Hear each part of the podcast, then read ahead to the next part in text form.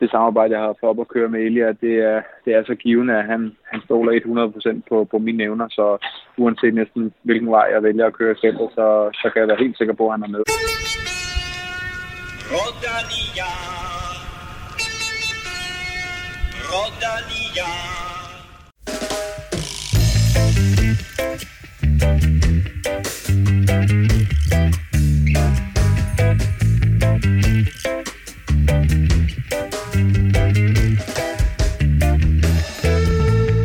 Den danske mester Michael Mørkøv fik lov at åbne denne podcast. Den turaktuelle rytter kan du høre fra lidt senere. Ni danskere i turen, det er rekord. Aldrig før har vi haft så mange danske cykelryttere til start i Tour de France. Vi kigger frem mod de første etaper og gennemgår de vigtigste hold og ryttere. Mine to faste ryttere, det er Stefan Djurhus og Kim Plesner. De sidder klar med belgisk øl. Skål. Sådan der. Bum. Og belgiske vafler. Det ser også godt ud. Det er Stefan, der har haft dem med, så tak for det.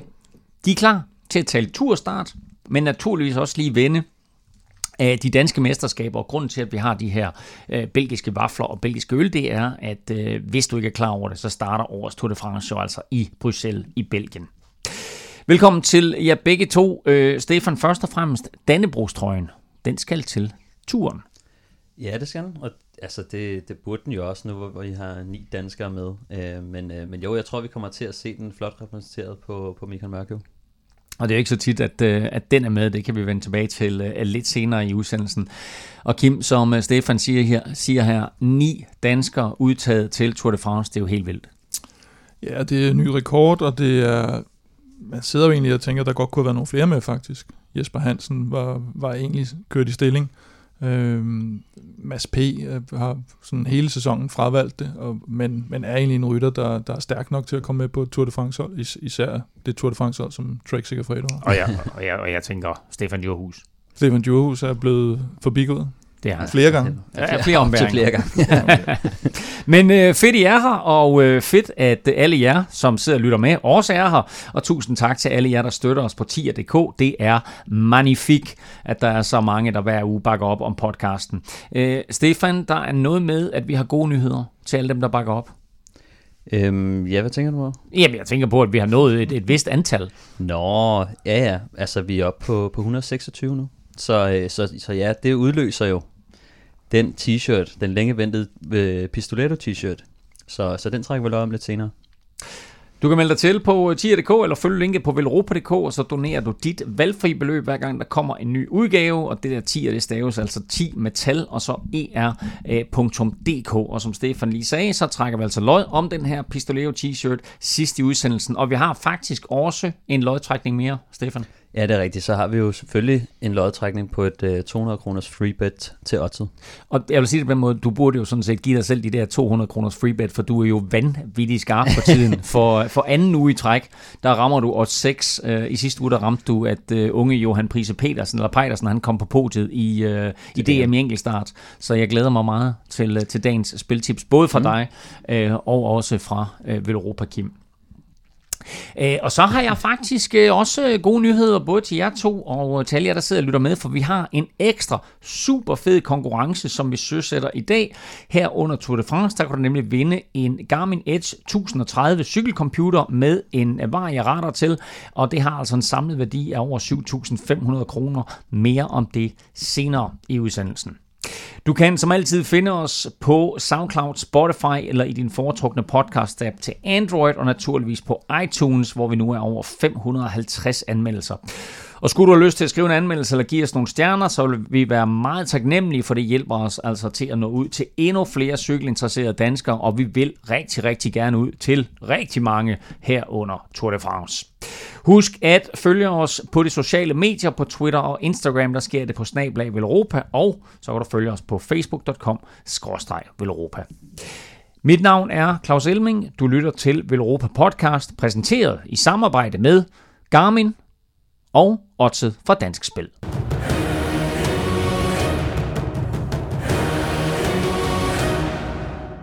Inden vi taler Tour de France, så skal vi lige vende de danske mesterskaber, der blev kørt i Esbjerg sidste weekend.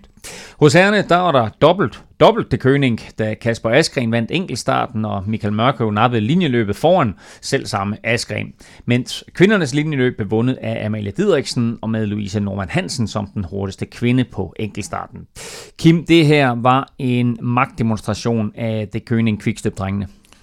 Ja, det var, og af dem alle tre, må man sige. Det var, det var selvfølgelig Mørkøv, der vandt, men Mikkel Honoré lavede et kæmpe stykke arbejde, i, i specielt i starten af løbet, og, og, og, og, og kørte sig mere eller mindre helt ud for at, at lukke en masse ting.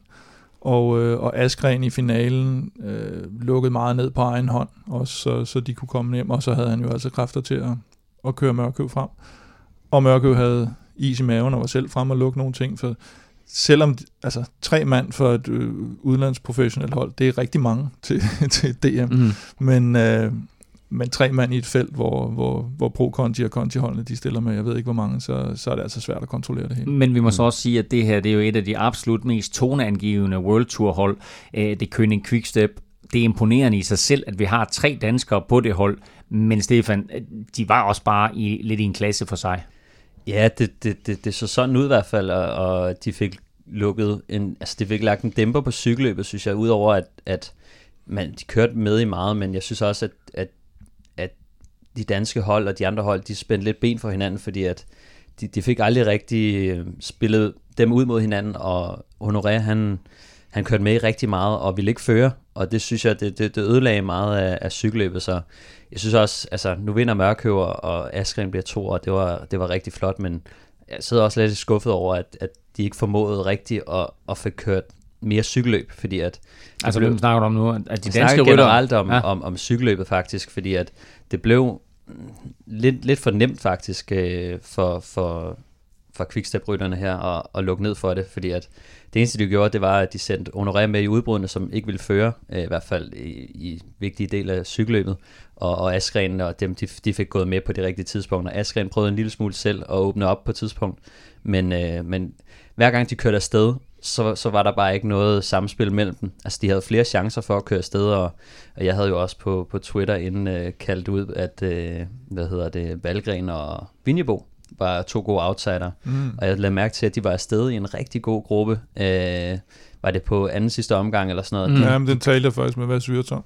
Ja, øh. og, og det var et rigtig godt moment, men der gik et eller andet galt, og du har måske Jamen snakket det, med... Han sagde, at uh, Vinjebo var fuldstændig færdig, og, ja. øh, og hvad hedder det, Niklas Larsen var med også, og mm. han ville ikke føre, og, øh, og så da, da, da Mads han endelig kom afsted alene, så lukkede Valgren op til ham. Ja, ja. og, så, og så var det bare sådan, what the fuck, ikke? Så, så der gik lidt uh, galt på det sorte værksted. Jamen jeg synes netop, at, at altså kendetegnet for det cykle var, at mange af danskerne, de spændte ben for hinanden, fordi alle ved godt i feltet, at de skal ikke køre hjem til den fucking spurt. Altså, mm. øh, når de kører ind til den spurt, så har de så godt som tabt med, med Askren som lead-out, og med Mørkøv, de gjorde det sidste år, de har gjort det i år. Øhm, jeg, synes, jeg synes, det var en kæmpe fejl. Også nu ser vi, en Lasse Norman kom med et rigtig godt hug øh, med halvanden kilometer igen eller sådan noget. Øhm, ja, 2,5, og, og der lukker øh, grafikken. Ja, okay. Ja, Men der lukker øh, Rival og Colo Quick ned, og de bruger jo, de strækker sig jo for at hente ham, og så har de ikke nok power, så de har jo lige brugt deres kræfter på at køre en Lasse Norman ind, og så kommer Askren og Mørkøv perfekt øh, bagefter. Øh, men, øh, men ja, det er så... Og man må bare sige, at timingen for Askren var helt eminent, øh, og så TV2's kommentatorer sad og talte om, at det drejede sig om at komme først ind i næst sidste sving, mm. og den nappede Askren, og så havde han Mørkøv på hjul, og så kørte han ellers bare afsted af Askren, og Mørkøv han trillede stille og roligt forbi, og kunne strække armen i vejret som, som sejrherre. Øh, det kunne han sådan øh, et par timer efter, at øh, Amalie Didriksen, Øh, I øvrigt så var det her, det var andet år i træk, at Michael Mørkøv vandt DM. Øh, usædvanligt, det er ikke så tit, det sker hos herrerne, og det er jo heller ikke så tit, det sker hos kvinderne, men det skete altså også her, fordi Amalie Didriksen for andet år i træk også vandt øh, Danmarks øh, mesterskabet for kvinder. Mm. Øh, og det var altså også en, synes jeg, en overlegen og nærmest elegant måde, hun vandt øh, øh det løb og den øh, spurt på. Ja, det er helt vildt. Altså, øhm, de får jo skabt et cykelløb, og jeg tror, det er de, alle de stærkeste, der kommer afsted øh, på et tidspunkt derude. Og øh, der sidder Amalie jo sådan rimelig overlænt og styrer det hele. Hun lukker ned hver gang, at øh, de andre angriber, øh, fordi hun, hun kender sin strategi. Hun skal være helt klar på at køre med så hurtigt som muligt på alle de angreb, der kommer, og så ved hun, at hun kan spurte frem til sidst. Så for hende handler det egentlig om, at selvfølgelig vil hun gerne have skilt lidt ud i det, men derfra så vil hun gerne have så meget ro som muligt og, og trække den ind til en spurt. Og da de endelig kom frem til spurten, så, øh, så viste hun sig også at være rimelig overlegen der. Ja, det var... Og det er jo fjerde DM-titel for hende, øh, så man må sige, at hun har, hun har, hun har sat sig rimelig godt på det. Øh, men jeg savner faktisk lidt, øh, hvad hedder det, hendes, øh, hendes holdkammerat, øh, hvad hedder hun, øh, ja, hun er kører for Bolstol Mans. Du ved, hvad hun hedder. Nu har jeg lige, jeg har lige mistet Annika Langvad. Præcis. Ikke? Nå, Hvor, altså, Annika. hvorfor, altså, det, er jo- det er jo dig, der er er- eksperten, og så skal, altså, så skal jeg hjælpe dig her. Ja, men, Den kan smutte en gang imellem. Eller- Nå, er men, øh, kendt. det var ærgerligt, at de ikke var med i hvert fald, fordi at, øh, det kunne også have gjort løbet lidt mere spændende. Men, øh, men jo, øh, overlegen sejr Amalie. Hos herrerne, der var det altså Michael Mørkøv, der vandt foran Kasper Askren og med Niklas Larsen fra Cola Quick på tredjepladsen. Og hos kvinderne altså øh, sejr igen til Amalie Didriksen foran Pernille Mathisen på andenpladsen, og så med Christina Sigård som bronzevinder.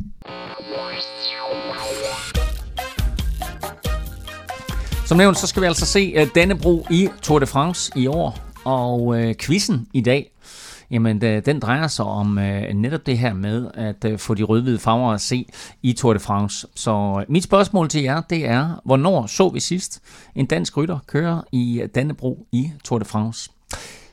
I får øh, lov til at... Øh, lad os sige, der er to point. Vi siger, der er to point. Der er både et øh, point for øh, rytteren, og så er der et point for årstallet. Og øh, lige nu er stillingen, som jeg husker det, 18-13. Til dig, Kim, er det ikke korrekt? Jo, det tror jeg er helt korrekt. Er, er det ikke, eller hvad? Er det 18-15? Jo, der tror jeg, det er 18 13. Det er han tatoveret, faktisk. Er det har jeg hørt. 18-13, tror jeg? Det tror jeg helt sikkert. Nå, okay, er det godt. ikke, Stefan? Ja, Jo, det tror jeg, det tror er, jeg. det, nej, er det 18-15 efter, at han fik de der ekstra point? Du skal ikke sidde sådan der og kigge sådan der, Kim. Nå, hvor jeg, vi siger 18-14. Ikke? Okay. Så er alle glade. Øh, 18, 18-14 står der. Vi har gang i en quiz. Hvornår så man sidst en rytter i Dannebro i Tour de France? Hvem var rytteren? Hvilket årstal var det? Til jer to, og alle jer, der lytter med derude, lad nu være med at google. 22 hold og 176 rytter er klar i Bruxelles lørdag, og det er med ni danskere til start i årets Tour de France. De er Jakob Fuglsang og Magnus Kort fra Astana, Michael Mørkøv og Kasper Askren fra Quickstep, Michael Valgren og Lars Bak fra Dimension Data, og så Mads Wirtz fra Katusha, Søren Krav fra Sunweb og Chris Juhl Jensen fra Mitchelton Scott. Kim, vi talte om det i starten, men det her det er et stykke dansk cykelhistorie, vi er vidne til. Ja, der er jo ikke, øh, der har ikke været så mange med før, og ikke engang dengang, øh, hvad var det, de hed? Riis. Team Home Jack and Jones, skulle jeg til at sige, men de hed vist noget andet, da de, øh, da de så endelig fik øh, Memory Card Jack and Jones i 2000, hvor jeg mener, der var, var der seks, seks eller syv danskere på, på, på, alene på det hold, men så var der kun Frank Høj derudover. Så derfor, derfor satte de ikke rekord. Men dengang kørte Øh. de også med ni rytter til start. Nu Præcis. kører de faktisk kun med otte, så det er Ja. jo et, et mindre det- felt og flere danskere. Det er, det, det, er ret, det, det er ret imponerende. Til gengæld kan man jo også sige, at hvis man så ser på de danskere, der er afsted, de, de, jeg synes, de alle sammen er super, super gode rytter. Øh, mange af dem er talentfulde. Men det er sådan kun Fuglsang, der har sådan en, en decideret øh, stor rolle. Der er selvfølgelig nogen, der har frie roller, men mange har også en, øh, en, en bunden rolle, kan man sige. Ikke? Vi har, øh, som du siger, altså, øh, og som jeg også har nævnt et par gange, ni mand med. Øh, to gange før har der været otte mand med i Tour de France. Det var i 1989 og 1991. Så det her det er altså første gang nogensinde, at vi har øh, ni danskere til start. Du nævner Jakob Fuglsang øh, som øh, den, vi selvfølgelig alle sammen kommer til at holde øje med øh, og holde med. Øh, lad os lige tage de andre, fordi øh, Mørke og Askren, øh, tænker jeg, at deres primære opgave bliver selvfølgelig at køre for, for Viviani. Måske øh, i den tredje uge kan Askren måske få lov til at lave et eller andet på egen hånd. Michael Valgren, hvor har vi ham henne? Fordi når vi kommer til at tale Dimension Data lidt senere, så taler vi også om, at de selvfølgelig ikke øh, har Cavendish med. Men hvor er Valgren henne? Vi, vi kender ikke rigtig hans form, men altså han er vel en af dem, som vi håber lidt på, har en fri rolle og kan, Jo, ja. kan lave et eller andet. Ja, han har helt 100% en fri rolle, øh, på, specielt på det hold. De har Nitolo til spurterne, de skal, de skal koncentrere sig om, og så har de jo øh, Borsen Hagen, der også skal ud og, og forsøge noget. Øhm, og så Valgren skal jo afsted allerede på, på mandag, går, går jeg På tredje fra. etape. På tredje etape, hvor den er, er kuperet til sidst. Ikke? Øh, tror jeg også, han har meldt ud, at det er sådan en, han... Og under normale omstændigheder, hvis han har haft et normalt forår, så vil vi jo også øh, regne ham blandt en af favoritterne på den etape. Mm. Så har vi en uh, Søren Krav fra Sunweb. Et Sunweb-mandskab, som ikke har Tom, Tom Dumoulin med. Øh, det giver vel også ham nogle muligheder? Ja, det gør jo, at han får en, en, en væsentlig mere fri rolle, og øh, man kan sige, at de har Matthews, der, der sikkert vil køre efter den grønne trøje og noget, noget spurtværk. Og så har de ham den nye øh, Case Boll, som øh, også er, er virkelig hurtig, men spørgsmålet er, hvor meget han får lov. Øh, mm. Hedder han Case Boll? C, der står C's bold, altså ja. med, det er med C, ikke? Men, Nå, men jeg, jeg tror, man siger Case bold. Case Prim, han hed Case Prim i hvert fald, som okay. tidligere TVM sportsdirektør, men uh, jeg er faktisk ikke 100% sikker på Nej, nej, nej, vi kalder ham Case, Case fra nu af. Uh, og så har vi selvfølgelig uh, Mads Wirtz fra uh, Katusha, men Mads Wirtz kan du uh, høre fra lidt senere i den her podcast, så der kan du altså høre, hvad Mads Wirtz han uh, tænker om sine egne chancer, og uh, så lufter og giver han faktisk også uh, en lille indsigt i, hvilken etape han satser på og gør det godt i. Lad os øh, gennemgå alle holdene sådan kort og få de vigtigste profiler på plads. Øh, vi tager dem i alfabetisk rækkefølge, og så lægger vi ud med øh, din yndlingsaversion, Stefan. AG2R. Også kaldet AG2R. La Mondiale, skal vi ikke bare sige det? AG2R La Mondiale. Mm. de har naturligvis en Roman Bardet, som er deres helt store klassemangshåb. Hvad skal vi ellers holde øje med hos øh, AG2R? Øhm, ja, men altså, øh, de har, jeg synes, de har et rimelig stærkt hold til start med Mathias Frank, Tony Galopin, øh, William Mo øh, og Gouchard.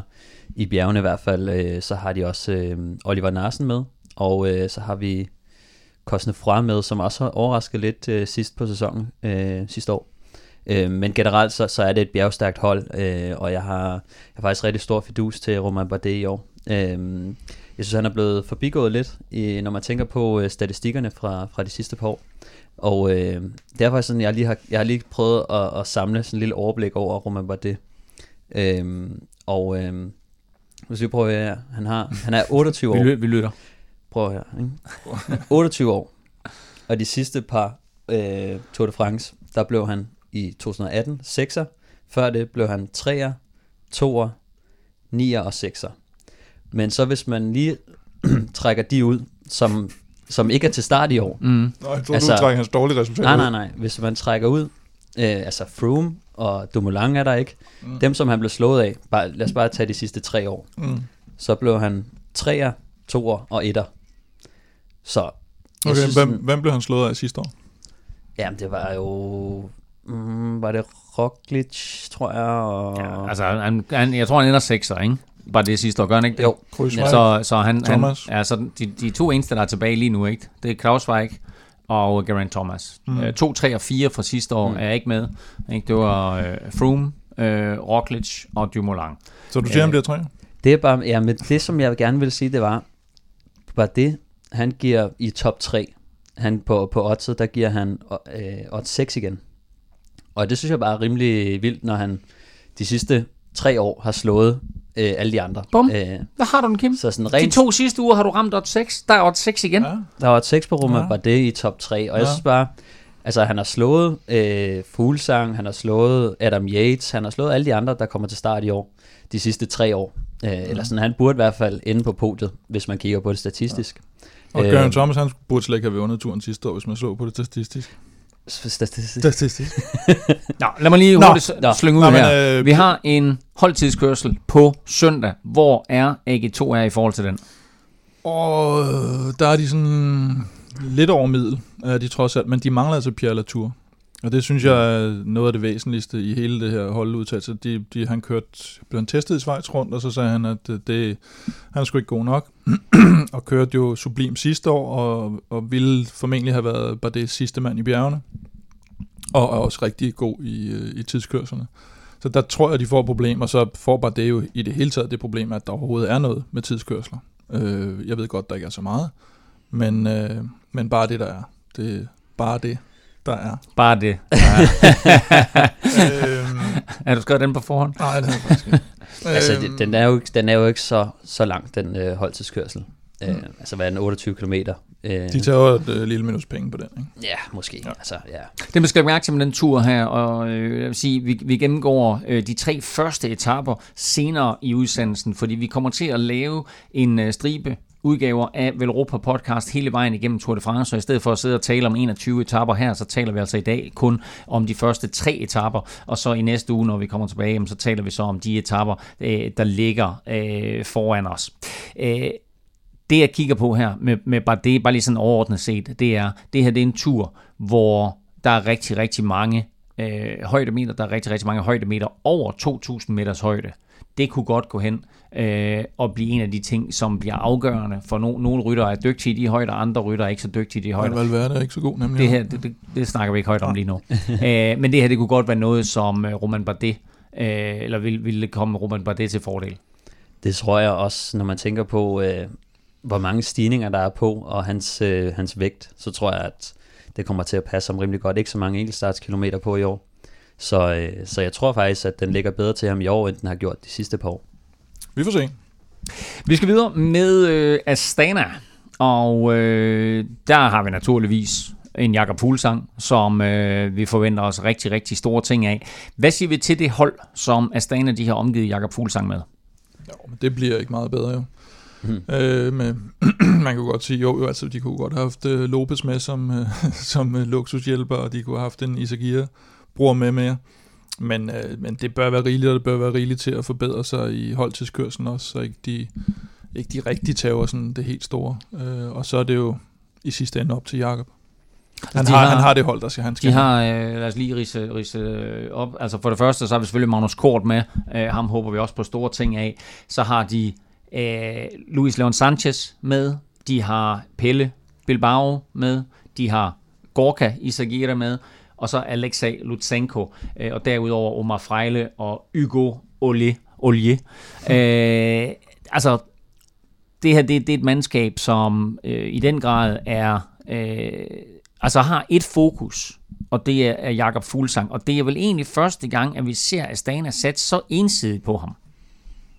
Nej, ja. det gjorde de vel også sidste år, gjorde ikke? Jo, men altså man kan sige, han har jo hele tiden været lidt et problem om kaptajnrollen, øh, mm. Jakob med, der er Superman Lopez, og, og, altså der har hele tiden været nogle andre også, der var Ardo, og mm.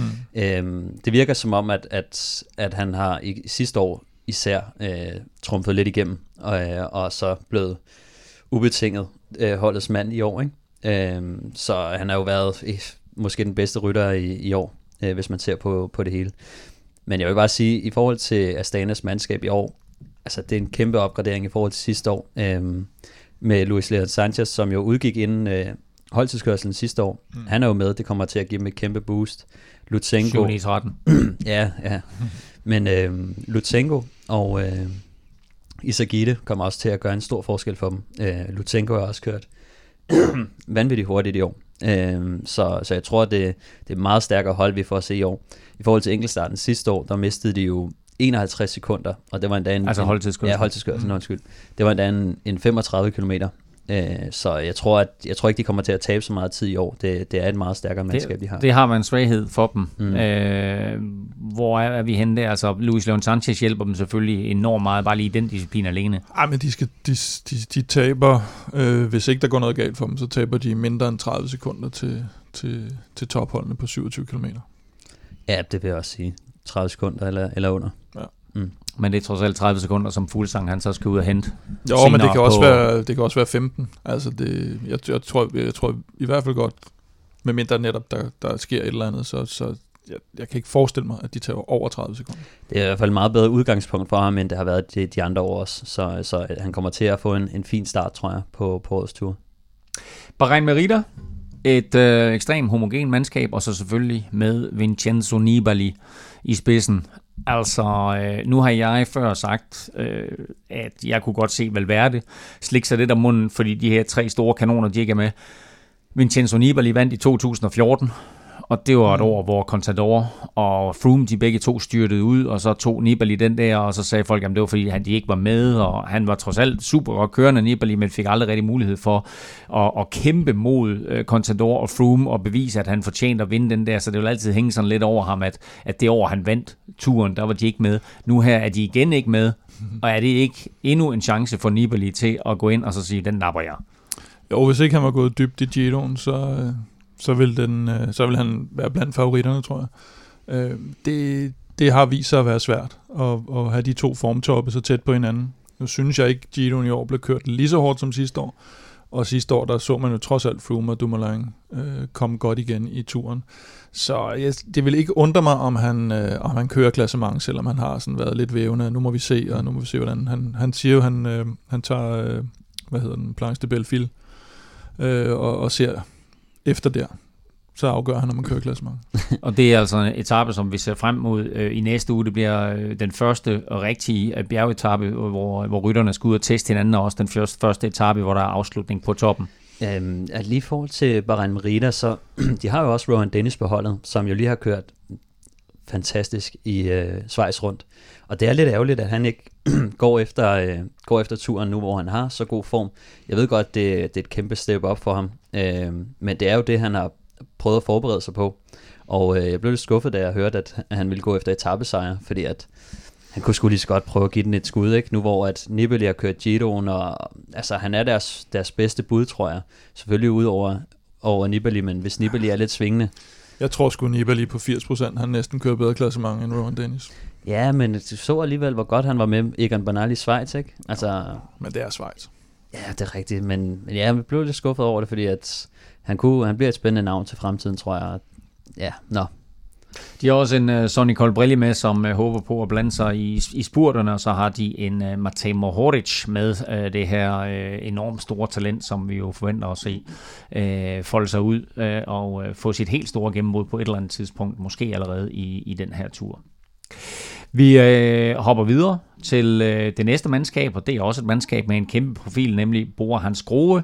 Og øh, der er der en mand, som springer øjnene, og det er Peter Sagan.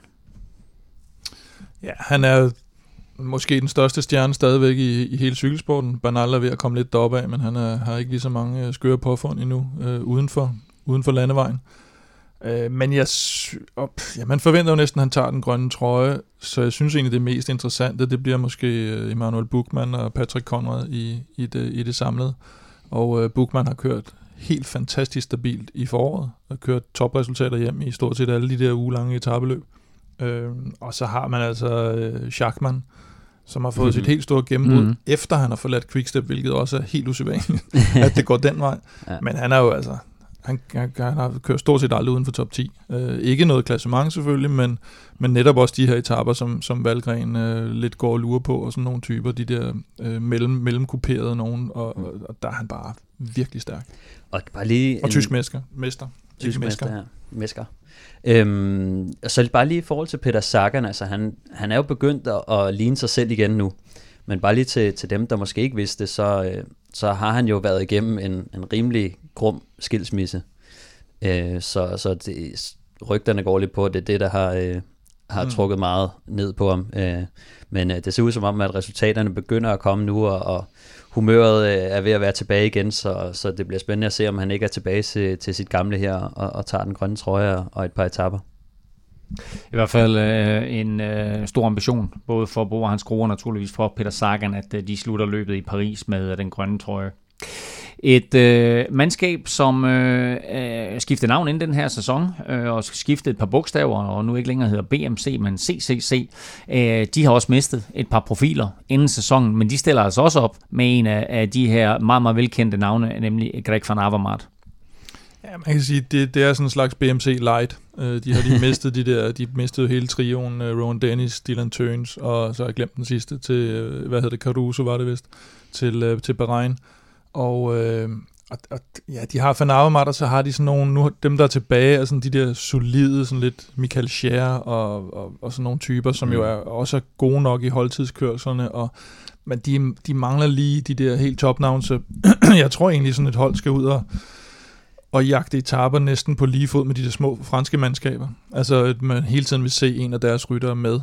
De har mm. det Marki, ikke? Selvfølgelig, som jo, det går de efter har, noget, ikke? Men, men, de har Sash Pauls, uh, de Marki og uh, Simon Geschke og sådan nogle typer der. De, til, de kommer til, når, til, når klassementet er sat, og så går mm. med de der 20-mands mm. udbrud, ikke?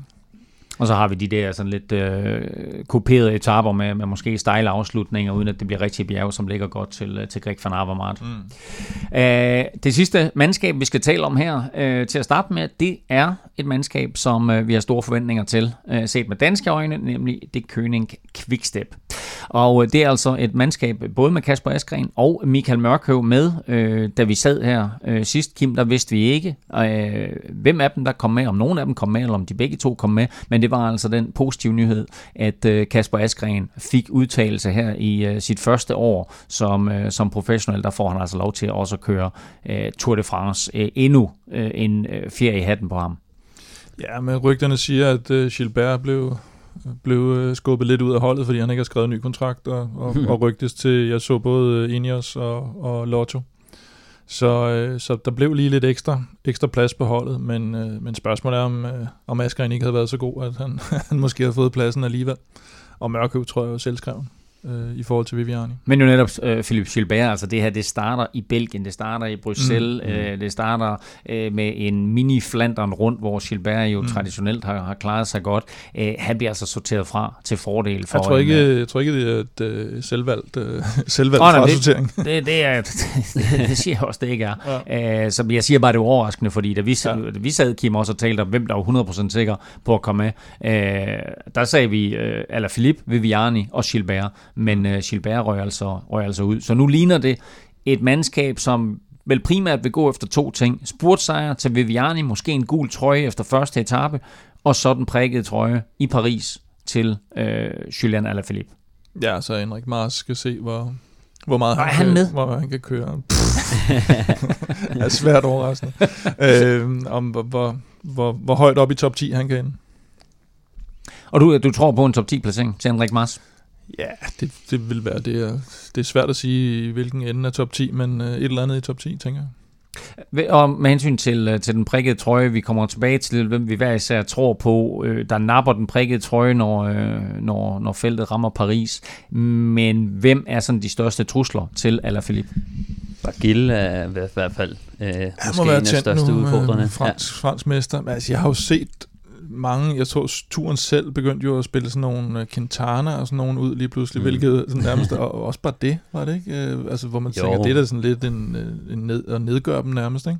Men der kan jo sagtens være nogen, Landa for eksempel, der kan jo være nogle af de her, som, som man tænker lidt til klassementet, som, som, som ryger ud for et eller andet defekt eller uheld i starten og mister noget tid, og så sadler om og så går ind i kampen, og det er alle Philips største modstander, fordi så nogen som Thomas de Gent og sådan nogle, altså dem, øh, dem, øh, dem krøller han fuldstændig sammen op øh, på bjergspurten. Så det skal være nogen, der måske er mere holdbare i bjergene end ham. Bauke? Jeg ved ikke, måske... Bauke, men, men kommer det til at betyde noget øh, med, med de her højdemeter, vi har talt om, og det her faktum, at det er sådan, at der er rigtig mange højdemeter over 2.000 meter, og der er nogle enormt lange stigninger, altså der er 20 km op ad Col de Liserang, og der er 37 km op ad Val Thorens. Kommer det til at betyde noget for en rytter som Alaphilippe?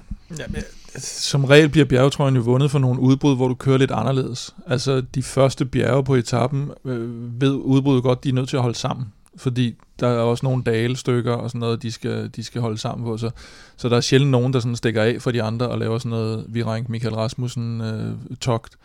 Øh, og derfor så, så kommer han til at sidde i sådan en relativt stor gruppe, hvor han så er, er bedst i spurten på toppen, ligesom man så Joaquin mm. Rodriguez være det tidligere. Øh, og, og, og der tror jeg stadigvæk, at han er stærk. Så det skal være et eller andet med, at at der er en af de der, der kan sidde med klassementsfolkene også øh, på, på de store etaper, som lige pludselig får en anden målsætning, sådan at, at alle Philippe simpelthen ikke er med der på de sidste to-tre ja, stigninger. Det er jo sådan, den bliver vundet på i, i gamle dage, hvor det hele blev, øh, blev kontrolleret fra start til slut nærmest. Der var det et andet billede. Øh, mm. men, øh, men lige i forhold til, til højdemeterne, så tror jeg ikke, det, det får den store faktor egentlig.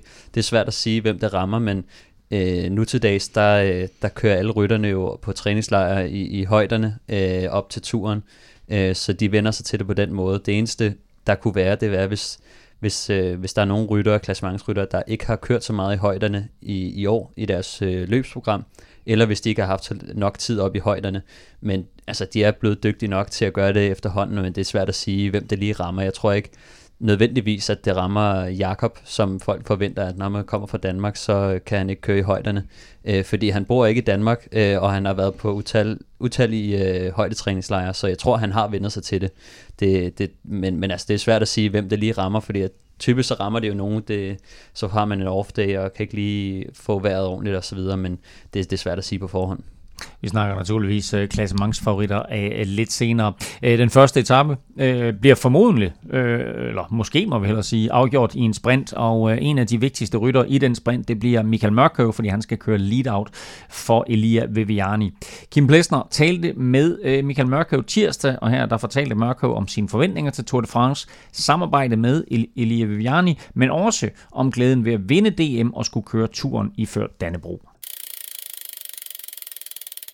Det gik sgu da meget godt i, øh, i søndags. Ja, det var gik udmærket. det, det virker lidt som om, at, øh, at det næsten var større at vinde to gange i træk, end at vinde første gang. Jamen både og, ikke? Altså som jeg kan sige, uh, hvis, vi, hvis, vi, hvis vi tæller den allerførste gang med for mig, altså i 2013, så var det jo ubeskriveligt stort at vinde uh, og blive dansk mester. Altså det er jo selvfølgelig noget, uh, enhver cykelrytter drømmer om. Uh, så var det så uh, anderledes stort for mig øh, at vinde sidste år, fordi at øh, ja, det på en eller anden måde øh, faldt et ret tørt sted øh, i min karriere på et tidspunkt, hvor jeg var virkelig øh, på vej tilbage med efter at være kommet til Quickstep. Øhm, og så har den i år bare, altså for det første øh, er det jo så jeg sige, fuldstændig vanvittigt at vinde øh, et dansk mesterskab på landevej to gange i træk, når man tænker på, hvor mange dygtige cykelrytter vi har, og hvor, hvor svært det er og, og få det hele til at gå op i en høj enhed. Og så samtidig med, med tanken om, at, at, at jeg på den måde ville kunne komme til at køre Tour de France nu i, i Dannebro. Så, så derfor så ja, så, øh, så var jeg en rigtig tung den sejr i søndags. Ja. Og rent øh, taktikmæssigt, der kan man sige, det, det så ud som om, det fungerede nærmest øh, til perfektion. Hvor, hvor, meget kunne I, hvor meget kunne, man, kunne øh, Brian styre ned fra sportsdirektørbilen, og hvor meget var I nødt til selv at, at, at justere lidt på derude? Ja, men altså, det, vi var selvfølgelig tilbage og, og snakke med ham et par gange, og lige øh, kontrollere om øh, taktikken, og, og vi blev også nødt til et, stor del af løbet at have enormt meget is i maven, og på et tidspunkt var det måske også lige på, på grænsen til at, at glide ud af hænderne på os. Men øh, med mine egne erfaringer med DM er, at, at hvis man kommer som professionel, som en enkelt, to eller tre rytter, så bliver man nødt til at tage nogle gevaldige chancer undervejs, hvis man vil have muligheden for at køre mere mesterskabet. Og, så, så, så på den måde, at, altså, skal man køre med en, en kalkuleret uh, stor risiko. Man kan sige, for mit vedkommende, så er jeg jo heldig. Øh, for det første øh, er vi kun tre, men, men vi stiller tre uh, meget formstærke og uh, uh, ja, konkurrenceivrige rytter op, øh, altså som er op på duberne og motiveret til det her DM. Og, øh, og så samtidig også heldig, at jeg har øh, to unge øh, rytter ved min side, som, som øh, ja, synes, det er, er fedt at være blevet professionel, og som vil give deres højre arm for at, at, at vinde øh, det her mesterskab som hold. Øh, og, og, og derved så øh, selvfølgelig øh, stiller vi op med, at, vi alle sammen har muligheden for at, at prøve at vinde det, men, men det lå ligesom også i korten, at, at hvis vi mm. kom ind til den her spurt, øh, så var det mig, vi skulle satse på, og det føler jeg mig selvfølgelig utrolig privilegeret over at have den mulighed. Jeg har jo kørt som professionel i mange år, og, og har ofte ikke været den, der ligesom blev kørt for, men øh, nu, øh, nu er det heldigvis øh, min tid, og, og det, øh, det er jeg utrolig glad for. Jeg nyder jo godt af at have øh, en så stærk verdensklasserytter øh, til hjælp som Kasper. Altså, han, øh, han havde simpelthen råstyrken til at træde forbi alle de andre nede øh, på havnen. Øh, der med lidt under en kilometer til mål og gå først ind i det sidste sving, og det vidste vi ligesom ville være det afgørende. Og øh, ja, så der så ovenikøbet også bliver, bliver skabt et huller bag ved, bag ved mig op øh, mod opløbsvinget, så, øh, så kommer det jo til at se øh, meget, meget sikkert ud, øh, den spurt vi kører. Og nu har I så været hjemme og, og været lidt øh, stjerner her i, i DM i weekenden, og så, så skal I til Bruxelles og være, være lidt mere arbejdsmand på et, øh, et ikke mindre stærkt hold, må man sige dernede. Øh, hvordan ser du frem til, for dit vedkommende selvfølgelig, hele, hele lead-out-proceduren øh, omkring Viviani og dig og Richese og sådan noget? Har I, har I snakket om, hvem der skal køre sidste mand eller næst sidste og sådan noget, eller er det noget, I, I ændrer fra etape til etape? Jamen altså, vi, vi skal jo være fleksible, men som udgangspunkt er det jo, øh, altså Rikisa, der kører sidst, og jeg kører øh, næst sidst, og så har vi så sandsynligvis Lampard foran mig, og så Kasper som, som første mand, der skal starte, øh, skal starte øh, sprintertoget. Øhm, og det ser jeg utrolig meget frem til, fordi at nu har jeg efterhånden øh, leveret mange gode præstationer øh, i, i massespurterne som lead out, men personligt mangler jeg lidt at, at, at levere det under Tour de France, og øh, det håber jeg rigtig meget på skal være det her år, hvor, at, øh, hvor jeg også får lov til at gøre det under turen. Ja, man kan sige, at Viviani har jo, har jo godt med revanche til gode for Giroen, hvor det, hvor det ikke spillede, og hvor du heller ikke var med selvfølgelig. Det virker som om nogle gange, når man sidder og ser de her øh, med Viviani, når man ser, at, at, at han nogle gange kan være lidt svær at holde styr på i sådan en spurt. Er det også det indtryk, du har øh, med, med din mangeårige erfaring? Med, du er jo netop mange gange ham, der ligesom får kørt sprinteren i stilling, inden den sidste mand måske tager over, hvis ikke det er dig selv. Jamen, øh, altså det har jeg jo absolut nærmest det modsatte billede af, fordi når jeg kører med Elias, så sidder han nærmest øh, så sikker som 100% på mit hjul, eller på, på, på rytteren bagved hjul. Øh, og, og, og det er også et spørgsmål om tillid. Altså, jeg kan mærke, at det samarbejde, jeg har fået op at køre med Elia, det er, det er så givende, at han, han stoler 100% på, på mine evner, så uanset næsten hvilken vej jeg vælger at køre i feltet, så, så kan jeg være helt sikker på, at han er med, og det gør selvfølgelig, at at mit arbejde er, er markant nemmere, øh, når jeg har en sprinter, der stoler på mig. Og øh, jeg tror, øh, ja, noget af det, øh, øh, nogle af de fejltagelser, der blev begået i Giroen, skal findes i noget nervøsitet, og øh, at man ikke var ja, øh, helt... Øh, at Elia ikke var helt sikker på, på, på sit tog, og så derfor så prøvede ofte at gå egne veje, men jeg føler ofte, at han faktisk er utrolig nem at køre med, fordi han, han stoler blindt på, på, hvor jeg kører af. Er det, er det i virkeligheden sådan, at der måske er et, et lidt mindre pres på ham i turen, dels fordi der måske er flere sprinter om et, et bredere sprinterfelt, og, og at det ikke er Italien? Ja, det vil jeg mene. Altså, man siger, når han kom ned til Sion der, og, og der var et, øh, et lidt mindre stærkt sprinterfelt, og han kom som italiensk mester med fire etaper eller tre etaper året, året før, øh, så var der et kæmpe pres på, og jeg tror også, det, det kunne jeg selv hjemmefra fra tv'et se, at, at det var også det, han var virkelig trykket af, og når så det ligesom ikke lykkedes for ham, så kunne man se, at, at, øh, at presset på skuldrene af ham voksede øh, fra dag til dag. Øh, man kan sige, jo, øh, måske er presset lidt mindre i turen, øh, fordi han ikke kommer og har øh, 10-15 sejre på CV'et, men, men omvendt, så, så ved han måske også, at øh, det er hans livs chance for rent faktisk at, at, at få en sejr i Tour de France. Så på den måde, så vil der altid være pres på, og specielt her i starten, når vi som et belgisk hold skal køre første etape i Bruxelles. Hvem ser du som, øh, som de største konkurrenter der på, på første etape på lørdag af sprinterne? Jamen altså, Grunevæggen. Øh, men, men selvfølgelig alle de sprinter, der er med, er jo, er, er jo, er jo regulære konkurrenter. Det, der, der er et stærkt sprinterfelt, men, men umiddelbart så, så mit, øh, mit bedste bud på en etappesejr, det er Grunevæggen eller Viviani. Hvad med holdtidskørselen? Øh, I har jo, der, der er jo nogle rytter, der, der ikke kom med, Gilbert og, og Stibar og sådan nogen. Ser du stadigvæk jer som contenter på holdtidskørselen, eller, eller er, I, er I gået lige lidt niveau ned, fordi I skal have Henrik, Henrik Mars med, og også nogle stykker til Viviani, eller hvordan ser du det? Nej, øh, tværtimod vil jeg sige. Øh, jeg sige. Vi har et utroligt stærkt hold til, det, til den holdtidskørsel, og, og vil også være øh, og er en etape, vi satser benhårdt på. Øh, vi har jo øh, de helt store øh, motorer i, i Kasper og i, i Lampard, og så øh, kører Henrik Mars altså også øh, for sig selv rigtig god til starter. Øh, så har du rytter som Viviani, mig selv, øh, der, der kører rigtig gode holdløb, når vi snakker øh, på, på cykelbanen. Det vil sige, at det, det kan vi også godt finde ud af at overføre til, til et landevejsholdløb. Øh, så vi har faktisk et rigtig stærkt hold til det holdløb, og øh, vi går efter sejren. Og hvad, når man sidder efter Tour de France, hvad skal, hvad skal der til for, at, at du ser tilbage på turen som en, en succes? Jamen altså, øh, der skal nogle etappesejre på bordet, og man kan sige, at med det hold, vi stiller op, så, så kan vi jo ikke være tilfredse med, med en enkelt eller to. Vi skal nok et godt stykke deroppe af, for at vi ligesom kan, kan sige, at det har været en, en, en succesfuld tur. Øh, når jeg siger det, så er det fordi, vi har Elia Viviani til, ja, til de flade sprinteretapper, og så har vi så Alain Philippe, som fløj rundt om ørerne øh, sidste år Tour de France, som vi må forvente lidt af det samme, at, at, at de to kan, kan køre efter etappesejr. En mildest talt øh, skuffende Giro for det König Quickstep, den skal altså afløses nu her i turen af etappesejre, sprintsejre til Elia Viviani.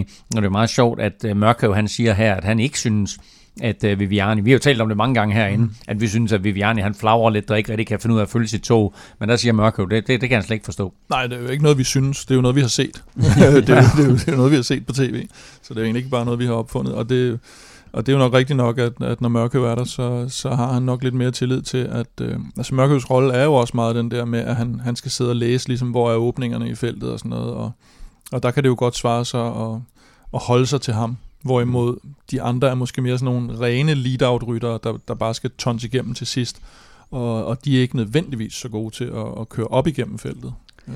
Ja, jeg synes også, øh, altså der er bare god kemi mellem, mellem de to, har det vist sig. Øh, og jeg tror, Mørko han kører på den rigtige måde, der passer til, til Viviani, fordi at der er forskellige måder at være lead-out-rytter på. Michael han gør det på den måde. Han er meget smooth i feltet. Han laver ikke nogen hurtige bevægelser. Øh, og, han, han og han venter på det rigtige moment, hvor at der vil være nogle lead-out-rytter, der panikker, så hiver de den helt ud til siden, ud i vinden, og tonser frem i, i, i front og så videre. Og det er sådan noget, der dræner kræfter, og Michael han gør det bare på en, på en smartere måde. Og jeg ved ikke, om der er et eller andet med, altså de har også kørt lidt bane øh, måder med hinanden, ikke? Så... Øh, så, øhm, hvordan var det, øh, lead-out-toget, Kim, hvordan var det, det var konstrueret? Det var Kasper Askren først, og så Lampard og Mørkøv og Richese. Hvor, hvor, altså, og det vil sige, at Mørkøv sidder der som næst sidste afføringsled, mm. øh, og så Richese øh, det, det, det sidste. Hvor meget betyder Mørkøv for en fyr som Richese? Jamen altså, det betyder, at Michael han skal, øh, han skal bruge benene lidt mere, fordi at han skal, øh, han skal jo sætte de to mand i placering øh, til at kunne føre den her spurt af. Når Mørkøv han slår ud, så skal Rikese gerne have fronten. Øh, Ja, og det så, handler jo meget om, at det så er det på det rigtige tidspunkt, han gør det. Mm. For det hjælper ikke noget, han gør det med 800 meter igen. Så. Men jeg synes noget af det, som, som jeg så, altså som der var det fedeste med Michael, og, og som altså Michael gør som lead-out-rytter, det er, at han, han kører sådan rimelig tæt på, på banden, og så lader han egentlig Viviani komme indenom, og så trækker han lidt ud i vejen, sådan så at, mm. at Viviani får en lige bane indenom Mørkøv, og så alle de andre, de skal højere om Mørkøv, øh, og tage den lange vej rundt. Og øh, det bliver spændende at se, om, om Rikese han også øh, kan finde ud af det. Øh, men, men jeg synes bare, at den måde, Michael gør det på, er, er utrolig klogt, og, og det bliver bare mere, hans, hans rolle bliver lidt minimeret på den måde, at nu skal han egentlig bare, bare holde, holde tempoet højt, og sørge for, at de kommer først hen til, ja, hvad er det, 300 meter mærket, eller så videre, ikke? Så, så, så, så skal han jo slå ud derfra. Og det er altså på lørdag i øh, den første etape i Tour de France, at det er første gang for mulighed for at se det her arbejde af Kasper Askren og Michael Mørkøv i sprintertoget for øh, det kønne Quickstep, med naturligvis det hele lagt an på, at Elia Viviani han skal øh, vinde etappen. Vi skal videre med øh, hold gennemgangen og de næste seks mandskaber, og vi lægger ud med et hold, der leverer både en glædelig dansk nyhed og noget af et chok, som vi var inde på tidligere. Team Dimension Data tager nemlig både Michael Valgren og Lars Bak med, men au, au, au. Hmm. No Mark Cavendish. Det er, øh, det er lidt af en chokmelding. Ja, så alligevel ikke, men øh, i forhold til, at han, han åbenbart havde lagt hele sæsonen an på det der, så er det selvfølgelig en, øh, en chokmelding og noget ærgerligt for ham, men, men hvis man skal se bare lidt objektivt på det. Jeg synes også, det kunne være fedt at have Cavendish med, bare for at se, hvad han kunne, men, men det er næsten ligesom sådan en, øh, en boksetræner, der lige skal vurdere, om man skal kaste håndklæde i ringen, ikke, for at skåne ham for, for yderligere ydmygelse, fordi det har virkelig, virkelig ikke set godt ud. Men altså, han har angiveligt, øh, altså du har du ridset hans resultater op øh, fra foråret her i sidste uge, Kim, og det var jo direkte elendigt, øh, i hvert fald ud fra hans normale standarder. Men han siger jo selv, at han har timet og tilrettelagt sin træning til, at han skulle være der, og øh, burde holdet ikke, altså Team Dimension Data har haft et elendigt forår. Ja, de har burde, de ikke, noget... burde de ikke have taget en chance, og så sagt, altså to årsager. Et, hvad nu hvis han er der? Mm. Og to, han har stadigvæk det her ambitiøse mål om, at han skal op på siden af Eddie Merckx og have de her 34 etappesejre Tour de France, som kun Eddie Merckx har. Det er i Bruxelles. Første etape bliver en hyldest til Eddie Merckx. Det bliver en hyldest, øh, hvor de kommer igennem Eddie Merckx' fødeby. Forestil jer en spurt, hvor Mark Cavendish han sidder der, og han vinder den første etape i Bruxelles. Altså, det, bliver det, bliver, det, bliver, det bliver jo historisk. ikke? Og nu får, nu får vi ikke den mulighed, og det, det, det kan vi selvfølgelig sidde og ærge os over, men jeg tænker bare, burde Team Dimension Data ikke have taget den chance? Det, det, synes jeg, det synes jeg også, altså uanset hvor, hvor elendig han har været, så, øh, så er han en stjerne, han er et navn, der kan give dem promovering, øh, altså han får jo, der bliver jo taget billeder, interviews og så videre, ikke? Altså han er jo, han er jo det stør, en af de største navne i, til turen, ikke? Så, oh. så, og, og, så kan man sige, at han bliver jo kasseret for en Janse van Rensburg til, til, og, og Steve Cummings, som, altså Steve ah, Cummings har jo heller ikke... Vel, han bliver vel trods alt erstattet af Nitola. Altså det, jo, det gør han jo, men, men jeg vil sige, der er andre navne på, på mm, deres hold, nå, der ja, også kommer med, som er sådan lidt... Altså Steve Cummings har heller ikke lavet nå. noget i, i lang tid. Han er 38 år, ikke? Øh, men han har ikke 30 etappesejre i turen. Man må øh. vel for fan formode, at de, at de folk på holdet, de, altså de har jo forhåbentlig og formentlig gået tættere på ham og har set hans udvikling og har fulgt den og har vurderet, det, det ja. bliver simpelthen ikke bedre. Altså han har ikke præsteret, heller ikke ved siden af, heller ikke i træning, heller ikke i... Det må det vel være, fordi ellers så... Ja, det ved jeg sgu ikke. Så skal det jo være et eller andet med, at øh, de ved, at han ikke skal være på holdet næste år, ikke? Og, og ligesom Gilbert, ikke? Jo, det, det, det tror jeg også kan, kan ligge bag det, fordi at fra, fra sådan en ren promoveringssynspunkt, så, så giver det ikke nogen mening. Mm. Øh, sportsligt kan det jo sagtens være, altså der har det været håbløst. Øh, men altså, når det så er sagt, så er han den eneste, som jeg kan se det, altså der, der har en chance i, i sprinterne. Jeg ved ikke, Borsen Hagen har jo før været sådan rimelig godt med. Øhm, solo kører de jo nok for, men han, han vinder for lidt, ikke? Og, Jamen, og kan man blive nummer 4-5 stykker eller sådan noget. Ikke? Oh, men det, det, altså det, og det er klart, det er de rene sprinter. Altså Borsen Hagen er mm. vel lagt an på, at der er nogle af de her etaper, måske i U3, som, mm. hvor han skal afsted, og så har vi jo set ham være rigtig stærk, så nærmest valgrenagtig. Øh, og nu er de altså begge to med, både Borsen Hagen og Valgren. Øh, men en glædelig nyhed, også set med danske øjne, det er, at Lars Bak er med. Det her, det er altså, hold fast, det, her, det er Lars Baks 20. Grand Tour, og syvende gang, han skal køre Tour de France. Det er altså imponerende. Ja, det er, øh, det er, og jeg, jeg regnede egentlig også lidt med, at det ville være underligt, hvis han hverken skulle køre Giro eller, eller Tour de France, i forhold til, at de trods alt har hentet ham ind til holdet. Øh, så, så må man formode, at de gerne vil bruge ham til noget. Øh, men, øh, men jeg har også, også hørt, at det, at det sejler en lille smule på, på det mandskab der. Øh, øh, både fra, for folk, der er tæt på den sportslige ledelse. Og, og når noget, du siger så. sejler, hvad mener du så? Jamen, det, altså, det man ser i forhold til, at de ikke har nogle resultater, skyldes jo noget. Øh, både selvfølgelig rytterne, men også, øh, det kan også skyldes det miljø, man ligesom er i. Øh, og hvis der er styr på, på lortet, så er der ikke lort på styret. men, det, øh, det, det vælter ud af ham i dag. Ja, men hvad hedder det? Og, og det, det er sådan lidt det, man hører. Det, det er sådan organisationsmæssigt, der, der, der kører det heller ikke helt. Og, øh, og der kan man sige, at de beslutninger, de skal sidde og tage, er jo også, om Mark Cavendish skal med til turen, eller hvem man skal køre for, og, og, og hvordan og hvorledes. Så, så det, det, det, der er noget, der tyder på, at det, det er ikke sådan fuldstændig, øh, det står ikke helt skarpt på det hold. Ja. Uh, apropos lort, så er det, uh, jamen, så er det ikke så sjældent, at man hører uh, britter uh, sådan uh, bruge, uh, hvad skal vi kalde det, voldsomme vendinger som ordet shit. Men ordet shit blev brugt om det her Team Dimension Data af en engelsk kommentator. This team is shit, sagde han direkte omkring det her mandskab, de har taget med til turen. Er vi der?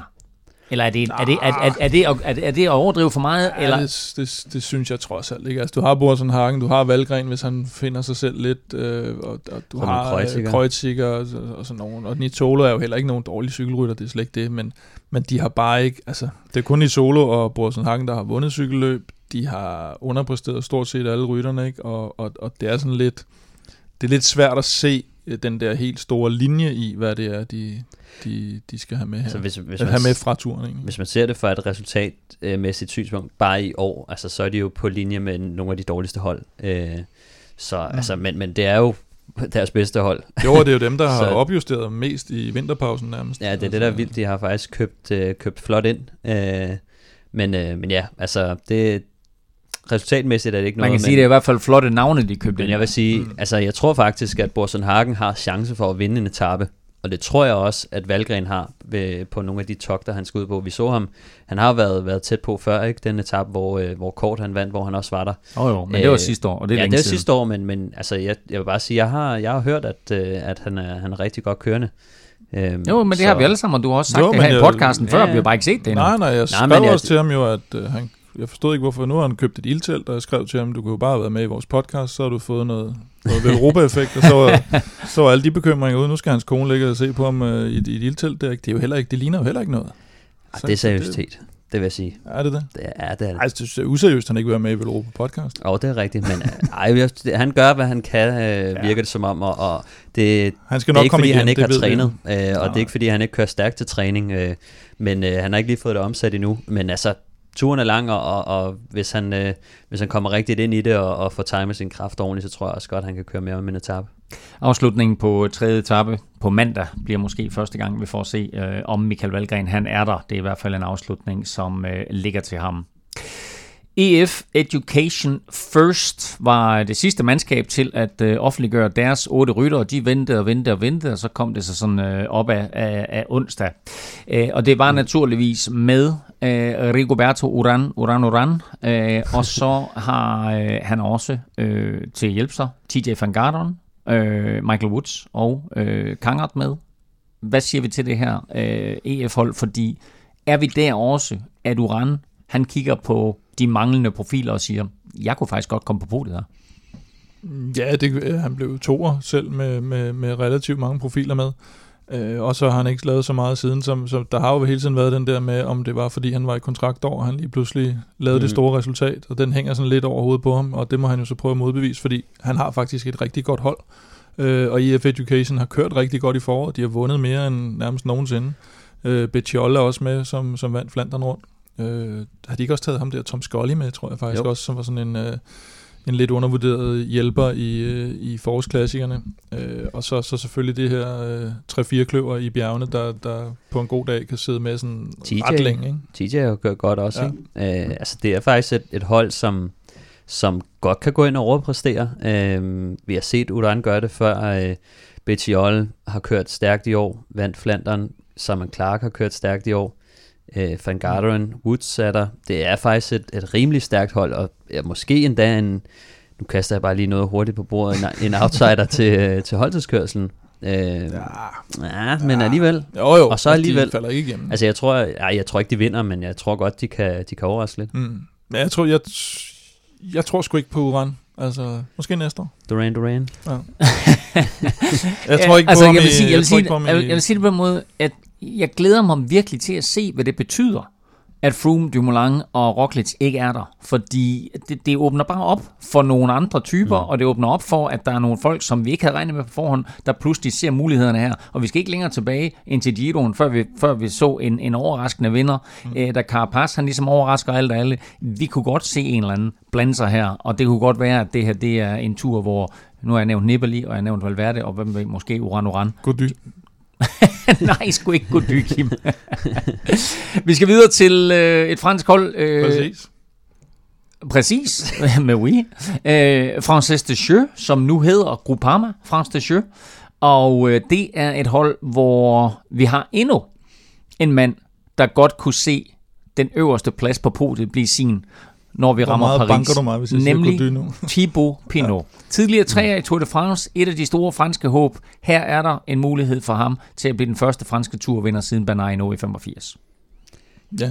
Ja, så jeg synes, han, er, han har kørt fantastisk. Øh, både den måde, han sluttede øh, sæsonen af på Mm. sidste år, var virkelig imponerende. Øh, og den, altså, hans sæson i år har været, faktisk været, været rigtig fin også.